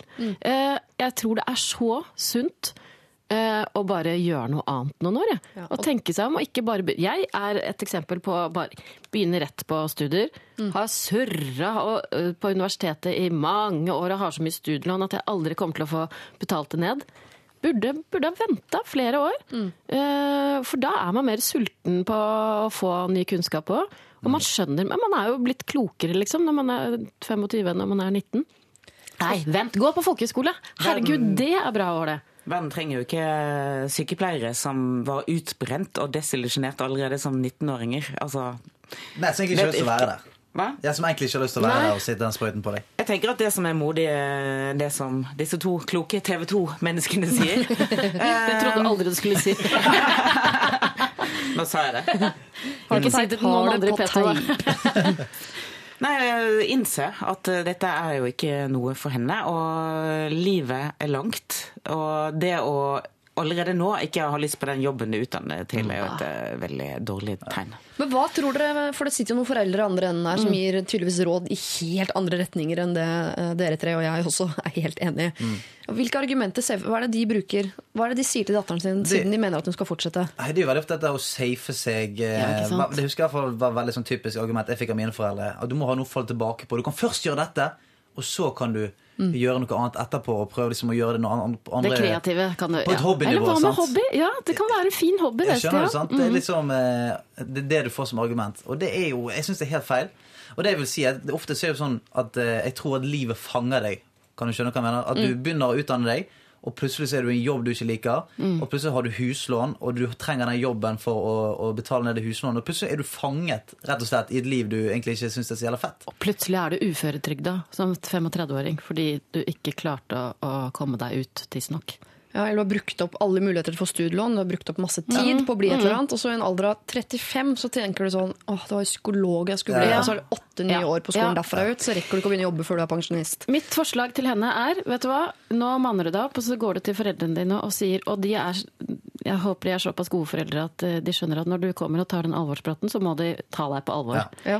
Jeg, det, jeg eh, blir ikke noe glad av dette her, men jeg lover, jeg, jeg skal få meg en jobb, jeg skal ikke gå hjemme de neste månedene. Jeg skal, skal få meg en, jeg skal gjøre noe. Neste år skal jeg gå på folkehøyskole, og så, så skal jeg finne ut hva Så jeg skal bli. se. Så får vi se. Ja. Altså, jeg kan si av erfaring at det er forferdelig forferdelig vondt å si det til foreldrene sine.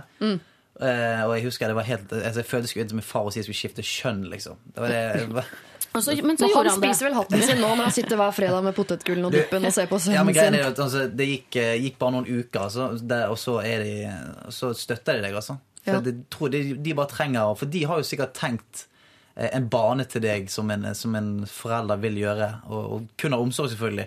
Og når du bryter med den, så vil, vil du bryte med de sånn omsorg òg, tenker jeg. Er derfor de tenker at ja, men det blir jo feil, for det er ikke det vi hadde tenkt. Ja, det det vi, hadde har tenkt. vi, vi har lyst til å sikre deg og lyst til at du skal ha det best mulig. Og, eh, men Jeg husker jeg intervjuet eh, Jon Olav Nilsen eh, litt tidlig i karrieren hans. og Da fortalte han meg at hans eh, familie, hans, de, deres ønske for han var Du kan jo bli taxisjåfør. wow. jeg, jeg tenker at når man vokser opp eh, og er klar til å forlate redet, så må man ta egne valg. Og for guds skyld ikke alltid stole på det foreldrene mener, fordi de mener det så godt. Her kan du få deg en fast jobb, du får muligheten til å sette deg i gjeld for å ha et hus du kanskje ikke ville ha.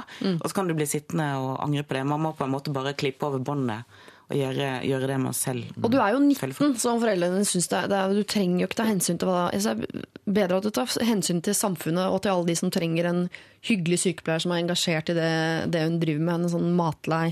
Det er det jo ingen som vil møte. Så kanskje, ja, jeg også syns du bare skal hoppe av nå, før du Ja, har brukt for mye nå. tid og penger på de greiene her. Gjør det i dag. Og finne på noe annet. Jobb, du kan jobbe litt på sykehus, da, og så finner du ut ganske fort at du antageligvis hater det. Det er ikke så mange som er skapt for det yrket der. det, det lover å være egoistisk når det gjelder egen lykke.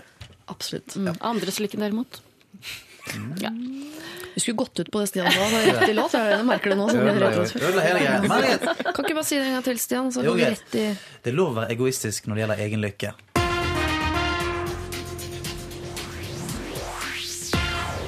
Mike Snow og Animal hørte vi der. Hvert øyeblikk skal vi ta for, et, eh, ta for oss et problem som handler om en mann som eh, sier at eksdama mi er den aller viktigste personen i mitt liv. Og det er jo litt eh, trist. Jeg har lagt det ut på Facebook, sånn at dere har hatt muligheten til å hjelpe denne mannen med hvordan han skal komme over eksen sin, som, er, som er et fantastisk menneske. Og det er ikke egentlig noen grunn til at han skal komme over henne. Man må jo på en eller annen måte da klare å komme seg videre. Og det meste vi har fått inn av råd, går egentlig på ja, dette vil jeg også ha råd på, dette trenger jeg også hjelp til. Så er, her kan det kanskje bli vanskelig å komme noen eh, gode råd, bortsett fra Linda på Facebook som skriver 'rebound' med store bokstaver, men hun skriver heldigvis nei, det er parentes etterpå, så det får være greit. De sier Death Trace der, og deres No Sleep. Og vi har fått inn en eh, mail, eh, folkens, i forbindelse med det vi sa, nemlig hoppe av studiet, eh, dra på folkeskole, kos deg osv. Her er noen som skriver Hei, elsker Lørdagsrådet, men nå må jeg få lov til å komme med en kommentar. Ja, det må jeg få lov til. Dere sier ikke bruk opp sjansen for stipend osv. Gå heller på folkehøyskole. Det koster 60 000 per år på folkehøyskole, står det her. Dette halvåret har studenten fått lån for. altså det halvåret hun nå går på skole, ikke sant? på sykepleien. Og det må betales tilbake dersom hun slutter på skolen og starter jobb. Mitt råd ville være eh, få en jobb, og så slutt på skolen dersom du føler at du er klar for voksenlivet og denne fulle jobben. Om du skal fortsette på skolen etter jul, så velg noe du har lyst til, da vel. Folkehøyskole eller noe annet. Med vennlig hilsen, og her kommer det. Nav-ansatt. Charlotte. Ja. Ta, ta opp hånden. Ja. ja, men poenget er jo at hvis hun slutter nå, vår venninne, Ja. så kan hun jo eh, betale tilbake de pengene hun har fått. Hun har jo ikke brukt opp eh, alt hun har fått i lån og stipend. Nei. Nei. Så jeg kan bare altså, sende i retur, rett og Ja. slett. Mens hvis hun går nå frem til jul, da er hun jo i deep shit. Ja, det er noe som heter cut your losses, rett og Ja. slett. Og det er Altså, så du, eh, bra ja. sagt. Men, jeg, eh, jeg skjønner heller ikke helt hvorfor hun skal gå på et studium overhodet ikke like frem til jul, bare for å bli enda mer eh, desillusjonert. Og bli enda mer lei seg. Og Ja. enda Og det han sier det med å se om du er klar for voksenlivet og alt dette her, det er jo sånn eh, det er så, Jeg syns at det er så Jeg hater at man skal ta til takke med noe. At, sånn, at man på en måte må se om man er «Å, er det, okay, Ok, det er kanskje dette jeg må gjøre, da. Altså, Du er kanskje ikke så spesiell. ja, ja, bli voksen. Ja, litt sånn. Bare føy deg inn i rekkene med, med folk som jobber. Og så syns jeg det er litt for sånn uh, som 19-åring å skulle være sånn 40 år og smart. Ja, det jeg, Ta det når du blir 40. Ja, og plutselig, det, er koster, det, koster ikke, det koster ikke så mye å gå på folkehøyskole. Jeg har en, eh, jeg har en lillebror som går på folkehøyskole nå, og mye av det får du i stipend. Ja. Ja, så det er ikke så jævlig dyrt. Kan vi ta en runde på her rundt bordet hvor mange som uh, har en utdannelse de har brukt sånn direkte? Kan jeg få ramse opp min utdannelse? Ja, ramse den nå. Ok, jeg har litteraturvitenskap, eh, psykologi og eh, sosiologi grunnfag. Jeg har X-FIL. Jeg har ett år, et, tre kvart år på eh, fysioterapi. Jeg har nesten hele journalistutdanningen, og jeg har Romerike folkehøgskole. Holy shit! Og, og jeg har så mye studielån, jeg. Du har en overlegestudielån, du. Men jeg har også en ganske innimellom klok mor som sa til meg etter at jeg hadde gått av tre kvart år på fysioterapi Jeg ble gråere og gråere og tynnere og tynnere. Og eh, så, sa, så, så hun på meg og så sa ja, hun veldig, har vært veldig ambisiøs på mine vegne, men hun så på meg og så sa hun Er du sikker på at det er fysioterapeut du skal bli? og så ble jeg så lykkelig at jeg bare begynte å gråte, og eh, slutta på dagen. For hvis du får litt sånn stive skuldre av å gå på fysioterapi, Ja, da- da må man komme seg ut. Stian, du har jo allerede sagt at du gikk rett ut av ungdomsskolen. Ja. Ja. Jeg, begynte på eh, jeg, jeg, For jeg, sø, jeg søkte på eh, musikk, dans og drama. Ja. Så kom jeg ikke inn der. Og eh, da måtte jeg gå på noe annet. Så da, begynte, da gikk jeg et par måneder på eh, allment. Mm. Og da hadde jeg litt samme feelingen som hun her har. At eh, jeg satt og bare sånn Det, men, det er ikke noe dette jeg vil. Jeg vil ikke bli eh, Allmenn. jeg jeg vil ikke bli økonom eller jeg vil ikke bli altså advokat. Eller jeg vil ikke bli noen av disse tingene som det fører til. Jeg vil drive med underholdning. Det er det jeg vil drive med. Så jeg, Ja. vil, jeg vil bare slutte da. vi vil bare begynne nå med en gang. Kristin? Ja, um, OK. Jeg droppet ut av videregående. Jeg dro til England, forlovet meg, ja, jeg gjorde mye rart. Eh, Kom tilbake til Norge. Gikk, da het det ikke Nav, det het eh, Arbeidskontoret. Og de sa um, altså det du passer til, er å jobbe i barnehage. Eh, og jeg sa ja, men jeg kunne tenke meg å bli journalist. Nei, nei nå må du slutte å tulle. Så da fikk jeg jo med jobb i barnehage, og det, det passet det veldig dårlig til. Ja. og dere to burde ja, holde de ungene deres eh, et stykke unna meg. Jeg, har ikke så godt uh, barnetekke, men det gjorde meg så eh, gira at jeg gikk og tok privatisteksamen. Jeg leste om natten og jobbet i barnehage om eh, dagen. og det er det dårligste rådet jeg har fått av noen noensinne. Men det som var bra med rådet, var at det gjorde, gjorde meg så sinna og bestemt at jeg faktisk eh, fikk fullført i hvert fall videregående. Så du er her på trass? Jeg er på trass. Ja, og jeg elsker trass. Det, ja, men jeg mener, jo, jeg tror alt jeg noensinne har gjort i hele mitt liv, er basert på trass. Det er ingenting jeg gjør eller har gjort som jeg ikke gjør fordi det er eh, på t altså, trass imot noen som har sagt noe. Altså, så jeg, jeg synes det, Hæ? Eh, jeg er møbelsnekker. Ja. Er du det? På trass. Ja, det, det, Var det noen som sa det? Vet du hva, det tror jeg ikke du klarer å bli. Det var en av lærersløyden Ja, som sa at. Jo, men- menn er de beste møbelsnekkerne. Jeg ble kastet ut av sløydtimen for han syntes jeg var så dårlig sløyd at jeg måtte ha bare forming i et helt år. Eh, Så det var litt på trass, ja. Og så gikk jeg Har du brukt, eh, bruker du det Hender jeg monterer sammen den ikke Ja, jeg da. Vet ja. du. Ja. det. Og så har jeg vel eh, gått på noen sånn eh, scenografiskole. Eh, det var bare fordi da var jeg sur og deppa generelt, så jeg måtte bare gjøre et eller annet. Og det virka som de hadde svart logo, og det bare virka som et sted å være for sånne mørk, folk som meg. Svart logo på svart T-skjorte. Og så begynte jeg på reklameskole, men det var mer fordi vennene mine sa det var så innmari vanskelig å komme inn. Og da er det ikke vanskelig helt å følge med nå. Og så kom jeg inn, og så bare gikk jeg der. Og her sitter jeg. Du har master i trass, du, egentlig. Ja, master i trass, ja, det kan du godt si. Men jeg vil bare si til deg, Charlotte, som er Nav-ansatt, at jeg tipper du kommer med disse rådene, for du har møtt så mange som har brukt opp pengene sine, som plutselig bare sitter i gjørma, for de har aldri fulgt gode råd og bare surra rundt og ikke fullført noen ting. Ikke sant? Jeg er sikker på at du møter ganske mange av de hver eneste dag, og da blir man sånn Åh, kan du bare fullføre noe og se om det kanskje er det du vil? Så eh, tusen takk for velmenende råd, Jo da, jo da. Charlotte. Altså, det er bare, vi sitter her fire stykker som ikke er så god på skolen, og tenker at det kan være gøy å, å hekle et år, kanskje, eller noe sånt. da. Kan jeg bare få legge til at jeg egentlig har blitt ganske flink med barn etter hvert? Har du det? Ja, ja, ja. Men jeg, jeg, må, jeg har på en måte liksom mareritt for at Nav skal komme og hente meg på jobben en dag og si at du er avslørt, du skal tilbake på jobb i barnehage. Så jeg koketterer litt med at jeg ikke har peiling. Kokettering er lov. Eh, dette med den mannen som har en eksdame og han fortsatt har som den viktigste personen i sitt liv, det tar vi rett på andre siden av, av Turn Up The Life. Lørdagsrådet. Hei, ærede radiorådere. Jeg har hørt på Lørdagsrådet om ikke hver, så i hvert fall mange lørdager i over et år, og jeg blir stadig klokere. Takk skal du ha. Men det er ett dilemma jeg trenger hjelp med, og her er historien. Jeg har bare hatt én kjæreste i livet mitt. Vi ble sammen da vi var unge, og holdt sammen i 15 år. Vi kjøpte hus sammen, men altså etter 15 år så ble det slutt. De siste årene var, vel, var det vel ikke så mye å hente, for å si det sånn. Det var hun som dro, men ikke fordi hun ikke elsket meg. Det fungerte bare ikke lenger. Vi er fortsatt gode venner, ringes og meldes, men møtes ikke så ofte. Nå har jeg vært singel i noen år og trives egentlig med meg selv. Jeg gjør som jeg vil, når jeg vil. Men nå merker jeg at jeg savner en litt mer intim bekjentskap med et pent eksemplar av kvinnerasen. Jeg er ute blant folk og har fått god semi med opptil flere søte jenter. Men jeg føler ennå at jeg er utro hvis jeg involverer meg i en annen jente. Jeg vet at eksen min fremdeles er forelsket i meg, og jeg vil ikke såre henne. Jeg er jo fremdeles veldig glad i henne. Hun er fremdeles kvinnen i mitt liv. Vi har jo delt og deler fortsatt uh, mye sammen, og jeg vet hun ikke ville takle det dersom jeg skulle få meg en ny kjæreste. Eksdama er rett og slett fantastisk og fortjener det beste, så jeg vil ikke risikere å såre henne noe mer. Men hvor lenge må jeg vente? Hilsen singel ung mann. Altså Han føler at han er utro mot eksen etter flere år, og man innleder et nytt forhold. Ja. Hvorfor var det det var slutt mellom Nei, dem? Det kan man jo spørre seg om. Det, bare, det, Det funket ikke lenger. Hun er forelsket i han. Han, Han tenker at hun er kvinnen i hans liv. Ja, det, det virker jo veldig Virker som det er en sånn usynlig vegg mellom de her. jeg skjønner ikke hvordan han skal få det til å fungere med noen andre. hvis ikke det der. Altså, Og tenk å begynne å date han der. Og så ha Åh. ja, det skal sies, det var en, i hans liv luskende sånn lett bak skulderen hans til enhver tid. Ja, det er også en del faktisk her som jeg ikke har tatt med. Men han er veldig, hvordan, Når skal han fortelle til den nye kvinnen han eventuelt måtte møte, hvor viktig eksen er? og ikke sant? Oi.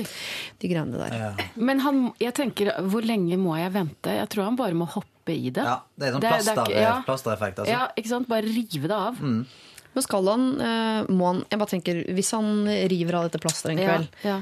må han fortelle det til eksen? Altså, jeg tenker, hvis han får seg en ny kjæreste, så må han på et eller annet tidspunkt fortelle det. Men han trenger å si sånn Ja, i går så blei jeg med en dame hjem, og det var helt uh... Kan det, kan det være at han og eksen ikke skal ha så mye og nær kontakt uh, en stund? Det høres jo litt usunt ut, i og med at hun fortsatt er forelsket i han, og han ikke klarer å finne ut av ting. Da. Ja. ja. Men han har hatt én kjæreste i sitt liv.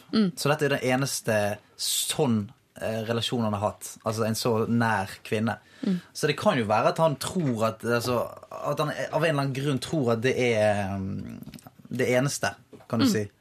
Så jeg tror jo at han altså, som, som du sier, Sova, jeg tror han bare må rett og slett gå ut og, og glemme de greiene der. Og jeg tror jo at altså, ofte gjør man sting Altså, ofte gjør man ting større enn det det er oppi sitt eget hode. Og jeg tror ikke hun vil bli så såret som han eh, Han Og på en forelegger måte her. er det kanskje å gjøre henne en tjeneste, for hvis hun er forelsket Ja. i han, så vil hun jo alltid ha dette håpet Ikke sant? om at det, det kan ordne seg, at de kan bli sammen igjen.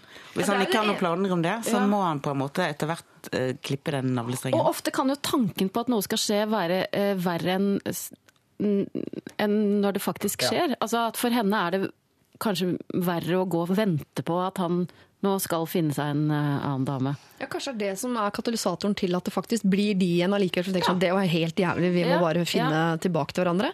Eller at de skjønner sånn, å ja, nå kommer vi oss videre. Fordi det er jo det evige problemet sånn, skal det gjøre litt vondt kjempelenge?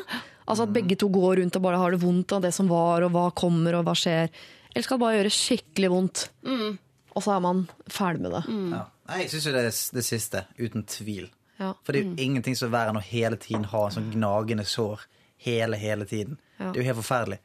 Og som, som man sier selv, han savner jo sånn relasjon. Det er jo det han vil ha i livet sitt nå. Og det får han ikke hvis han eh, ikke klipper den avstrengen. Det vil ikke han få. For det, denne her, at, at de er Det det virker veldig merkelig for meg at de er forelsket, men allikevel ikke sammen. Eh, virker veldig merkelig for meg Så det vil jo ikke skje, mest sannsynlig. Eh, uansett, tror jeg. Og hvis han en dag da ute i denne søken på dette nye møter den nye kvinnen i sitt liv, så vil alle de andre problemene forsvinne litt, for da er det henne det Ja. dreier seg om, og ikke hun forrige. Jeg føler at jeg eh, står overfor dette dilemmaet egentlig hver dag, men det handler om sykkelturen hjem. Skal jeg ta den bratte bakken opp ved Hønse-Lovisas hus, eller skal jeg ta den lange, slake opp Ulands gate? Hvilken går det for, stort sett? Hønse-Lovisas, ikke sant? Ja. Kjappest mulig hjem. Ja. Du vil kjappest mulig hjem, kjære deg, altså. Jeg tror det er liksom fell... Stian, skal vi gi Stian litt melk? Legg Stian til brystet, eh, Solveig. Kom igjen da, Stian. Og så vil jeg bare si til deg eh, takk for at du deler problemene dine med oss. Og jeg skjønner at det er vondt, og Au, at kvinnen Ikke bit Stian. Eh, at eksen din er en fantastisk menneske, og sånn, det betyr ikke at du liksom skylder henne resten av livet å gjøre Absolutt det som er best for henne. Det beste for deg og henne er at dere kommer dere videre begge to. eller blir sammen igjen, hvis det er noen mulighet for det.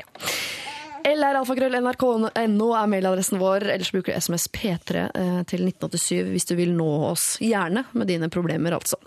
Charlotte Kvale skal vi være så heldige å få å høre. Dette her er hennes eh, The Beginning of the End. Du hører på Lørdagsrådet med Siri. Beach House hørte vi eh, bandet Disaster in the Universe. Eh, vi skal over til et problem her i Lørdagsrådet som er noe enklere enn det. Eh, det dreier seg om ja, i bunn og grunn et hundenavn.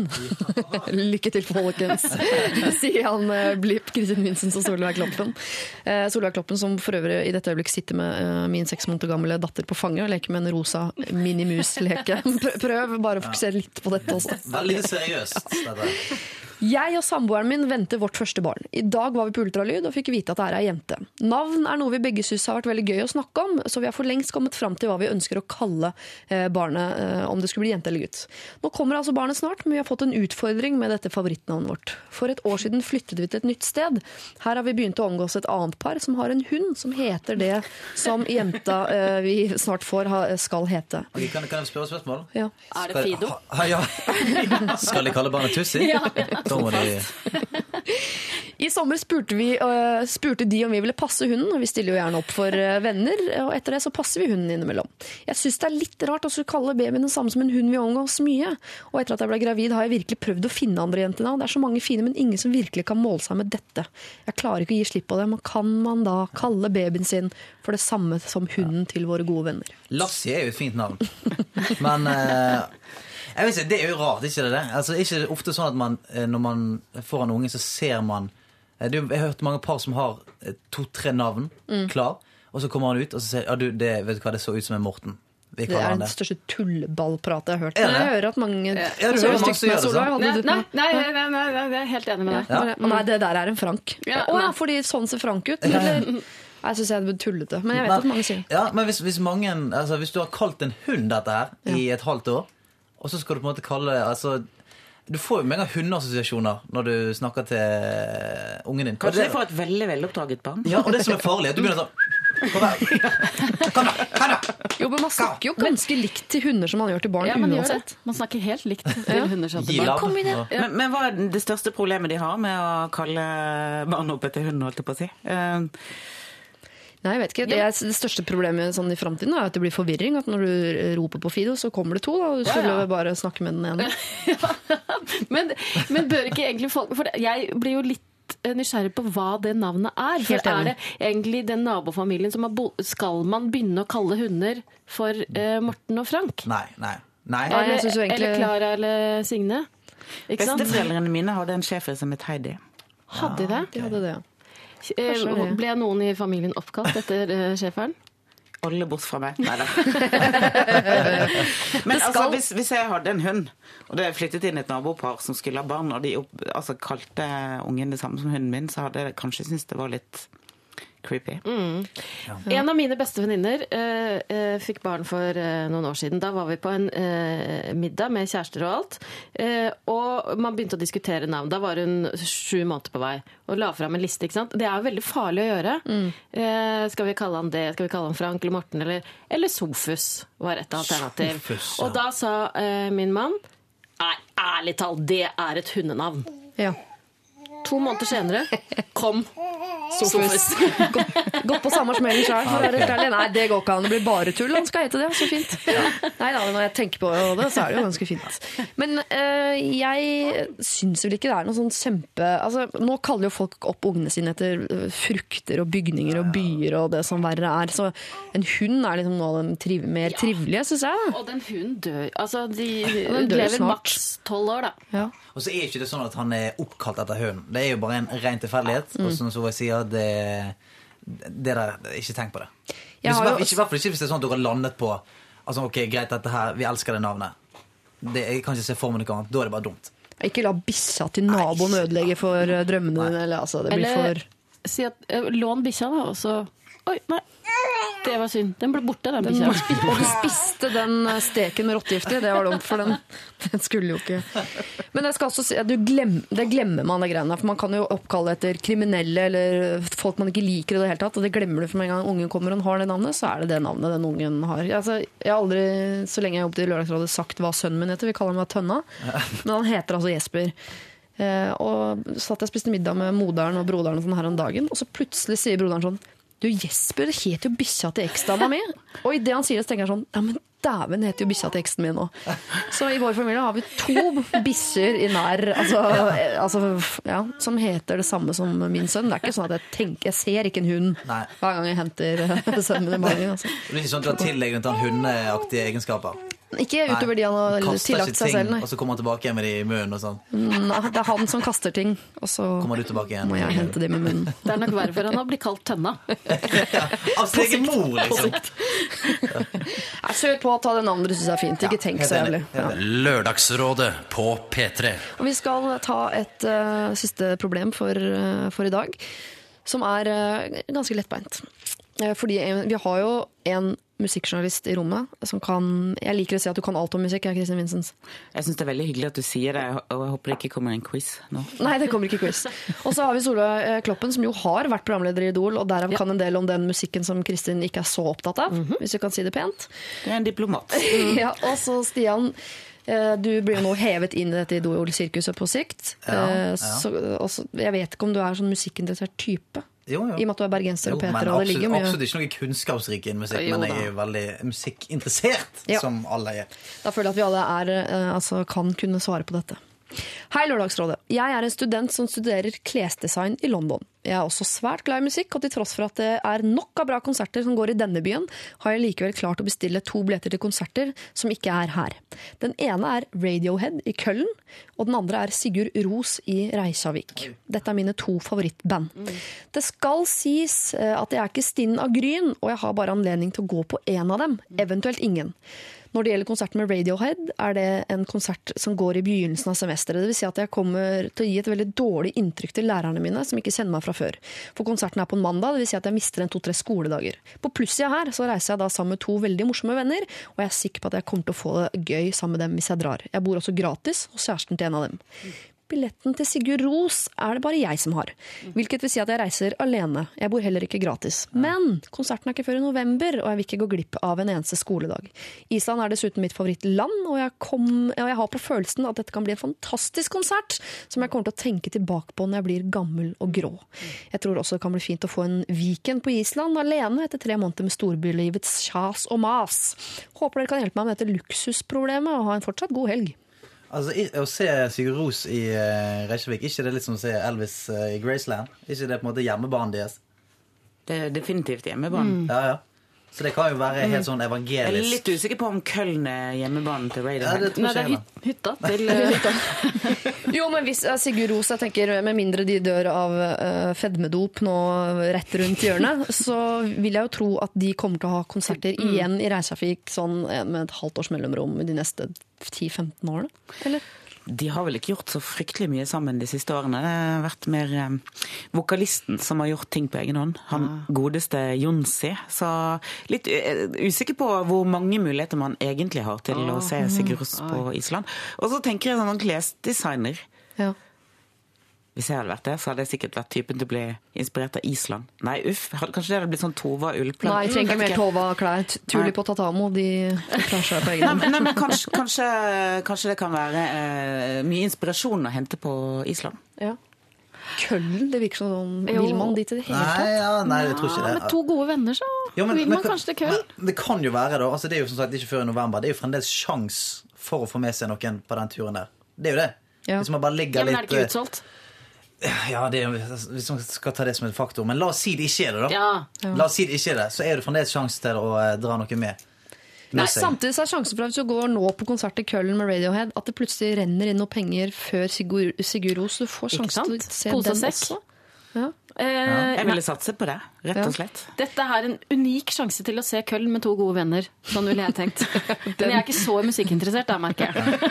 Men det, det virker jo som, det virker som å, i, frams, altså, i, i høysetet her sitter egentlig dilemmaet skal jeg eh, drite i skole i tre dager. Ja. og gi dårlig inntrykk, eller skal jeg eh, egentlig inngå et kompromiss med det jeg egentlig har lyst på? Virker som hun egentlig har lyst til å dra til Köln, siden hun har med seg gode venner og bor gratis og alt er bra der. Mm. Men hun eh, vil ikke skuffe lærerne sine og eh, Må og hun gi si hva hun skal? Kan hun ikke si sånn du, du tenker syk, liksom, si at hun er syk? Nei, jeg må til Køllen, det er noe familieanliggende, og når jeg først er der, så kan jeg uh, hente noe hekleinspirasjon, eller jeg vet ikke hva de driver med i Køllen. Vær sånn litt forsiktig med sosiale medier eh, i Køllen, da, kanskje. Ja, ikke for mye sånn Radiohead rocker. Mens du dusjer deg sjøl i øl. Men hva er sjansen sånn, er, for å se Radiohead igjen versus å se Sigurd Ros igjen? Da? Jeg tror ikke Radiohead har tenkt å gi seg med det første, men de er jo, de er jo også ganske knipne når det gjelder eh, Det er ikke sånn som turnerer land og strand rundt til enhver tid. Nei. Men hvis du først drar til Køllen, så er det vel ikke umulig at de kommer gjennom London en tur, eller?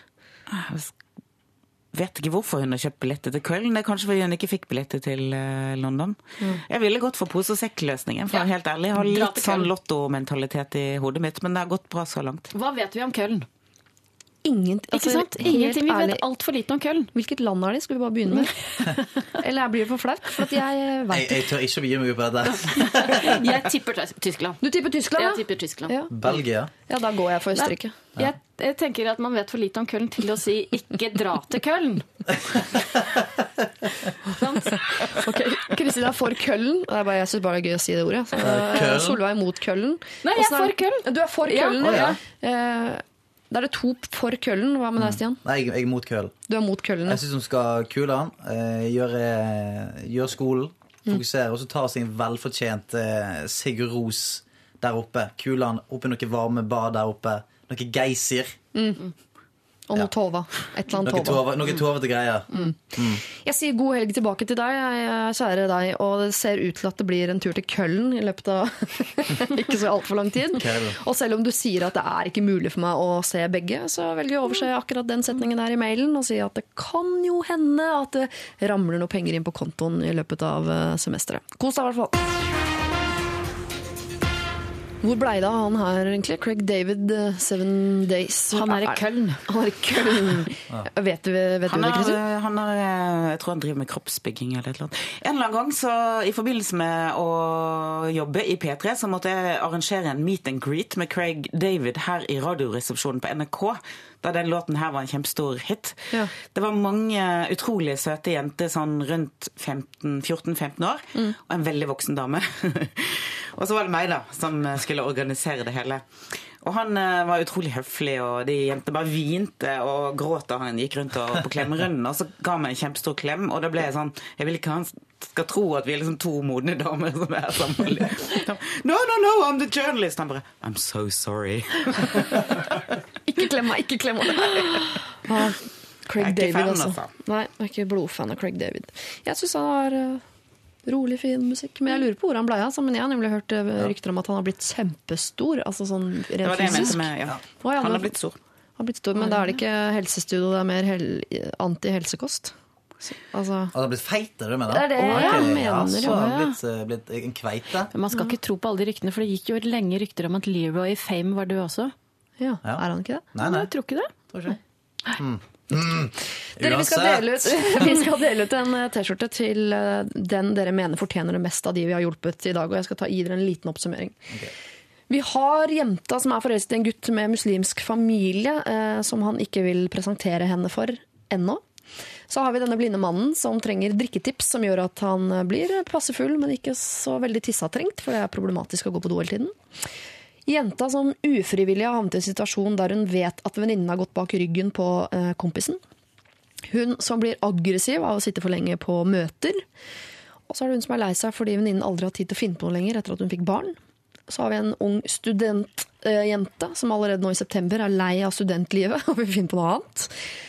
Så har vi han da som fortsatt føler seg utro eh, dersom han møter andre damer, selv om det er flere år siden det ble slutt med eksen. Og så har vi da eh, babynavn, eh, hundenavn. og til slutt her eh, jenta som må velge mellom Radiohead i Køllen eller Sigurd Ros i Reisjavik. Skal begynne stemmene borte med Kloppen. Jeg eh, har lyst til at vår venninne eh, som skal slutte, nå skal slutte på sykepleien Mm, hun skal det, ikke sant? Hun skal slutte, ja. Hun Ja, ja. har slutta nå. Ja, Legg, nå. legg fra deg bøkene, um, og så skal du ta på deg den T-skjorta og gå til foreldrene dine og fortelle hvordan uh, ståa er. Ja.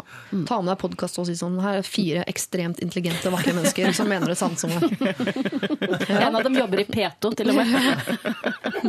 Der er det IQ-kode på dørene. Hva tenker du, Kristin? Jeg er så enig med Kloppen her at det er helt utrolig. Jeg kjenner meg veldig igjen i, i tematikken. Har vært det selv. Det gikk relativt greit. Uh, ja. Jeg vil gi T-skjorten til henne, og så skal hun ha det som et minne også når eh, hun eh, om noen år sitter og har en jobb hun er kjempefornøyd med. Og tenker herregud, så bra at jeg ikke fortsatte i det sporet jeg ikke ønsket å være i. Da skal hun legge seg i den T-skjorta hver kveld og være takknemlig. Evig takknemlig. Da tror jeg alle sammen er enig.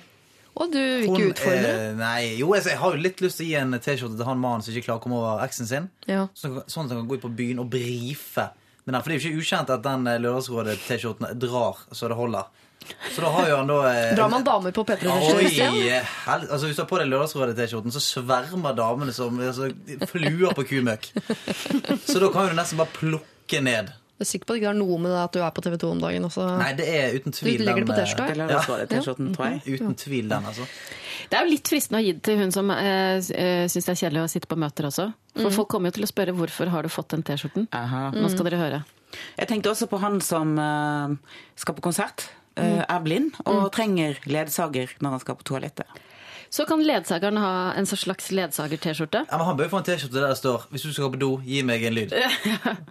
Enig. Det burde faktisk Det er kanskje det som burde vært rådet. Ja, oi! Lag en T-skjorte der står du, Eller at vi nå, ikke sant? La oss Ja. si at det er rundt en to-tre millioner da, som hører på Lørdagsrådet. Ja, ja, Uh, og, så de fleste som skal på denne konserten i kveld, hører jo på oss nå. Så vi sier, så dere ser en fyr i P3-T-skjorte, Og solbriller. så hjelp han. Tenk hvis det er flere i lokalet som har bedre T-skjorte. Masse folk som blir geleidet ut på do mot sin vilje. Jo, nå skal vi på do. Nei, jeg vil ikke, jeg er ikke tilstrekt. Jo da! Nei, vi sender den til sykepleieren. Ja, vi gjør det. Eks-sykepleierstudenten. Eks-sykepleierstudent, eh, en T-skjorte kommer i posten til deg i løpet av eh, neste uke. Gratulerer med det. Gratulerer med at du går videre i eh, livet. Fingeren til foreldra dine. Hilsen Lørdagsrådet på P3. Tusen takk til rådgiverne. eh, Stian Blipp Gloppholm, eh, Kristin Vinsens og Solveig Klopp. Ikke les, ikke, ikke les så mye. nå. Dere må i hvert fall ikke gifte dere uansett hvor god tonen blir på jobben. Eh, tusen takk for at dere kom. Masse gode råd, altså. Lørdagsrådet. Eh, I dag har vi hjulpet veldig mange her i, i Lørdagsrådet. Annet da en som var lei seg fordi bestevenninnen har fått eh, tre barn og har ikke tid til å være sammen eh, lenger. Og Cecilie har sendt oss en fin mail med noe ekstra råd, i tillegg til de som Solveig Kloppen, Stian Blipp og Kristin Vincents har kommet med. Hei! Angående bestevenninnen til hun med tre barn. Jeg har en tolv uker gammel baby, og min eneste pause i dag er Lørdagsrådet. Hadde jeg hatt tre barn, hadde jeg dødd, eventuelt fått varige men. Mitt forslag til denne jenta er at hun foreslår aktiviteter som er forenlige med tre barn. Gå en tur med barna, dra i en lekepark, komme hjem til småbarnsmoren med hjemmelagde boller så barna kan få. Altså gjøre ting med barn. Det går jo, eller? Jeg har en venninne som kom på besøk, ba meg slappe av på sofaen da hun gikk tur med babyen. Kom tilbake med en glad uthvilt unge og fikk litt venninnetid sammen etter det. Det var perfekt! Det er vanskelig å gjøre ting når man har barn, derfor trenger man venner som skjønner det, og som er villige til å se at uh, de har fått flere venner, altså vennenes barn, skriver uh, Cecilie. Og så har vi en her som heter Håkon, som har sendt en mail til denne mannen som ikke kommer over sin eks, som ikke da tør å treffe nye damer, for han er redd for at eksen skal bli lei seg. Håkon spør har du snakket med eksen din eh, om at hun kommer til å ta det kjempetungt når du finner en ny dame, eller vil du så gjerne at hun skal være forelsket i deg at du egentlig håper at hun kommer til å synes det er forferdelig? Det er eh, en fin ting å tenke på, altså, for det er jo eh, noen ganger at man kommer fram til ting i sitt eget hode som aldri har vært luftet høyt eller snakket med den som det faktisk gjelder. Det er ikke sikkert ting er sånn som du tror det er. Eh, Du kan podkaste disse tre timene, så hvis du ikke skjønner noe av det jeg har sagt nå, for eksempel, og lurer på hva i all verden har dere drevet med, så kan du podkaste og få det om igjen eh, der. Ehm, Og så kan du også være med inn på Facebook og, og diskutere litt hva du syns. Hvis det er noen råd vi ikke har gitt, eller noe vi har sagt som er helt hårreisende, kanskje du har egne erfaringer som motbeviser alt vi har sagt, så må du gjerne dele det med oss der. Altså, vi er villige til å lære, og der ligger det også faktisk noen bilder fra i dag av eh, oss rådgiverne som, eh, som poserer sånn som de tynneste modellene poserer. Det ser jo noe rart ut, for å være helt ærlig, men det ligger i hvert fall der. Og et nydelig bilde av eh, søte Solveig eh, Kloppen, 30 pluss, eh, med min lille datter på fanget. Takk skal du ha. Eh, Det ligger altså på Facebook hvis du vil eh, se. Eh, problemer tas imot utover uka. Eh, lralfakrøll.nrk.no er vår mailadresse. Da tar vi det altså til lørdag som kommer. Og da blir det sammen med eh, Live Nelvik og Else Kåss Furuseth og en eller annen til. Vet ikke hvem det blir. Forhåpentligvis en Jeg ser for meg en voksen, sånn staut type. Kjenner du deg igjen i karak karakteristikken? Uh, så si fra, da. Så kan du få til å være med. Send oss en mail, så kan du bli med som lørdagsrådgiver om en uke. Lørdagsrådet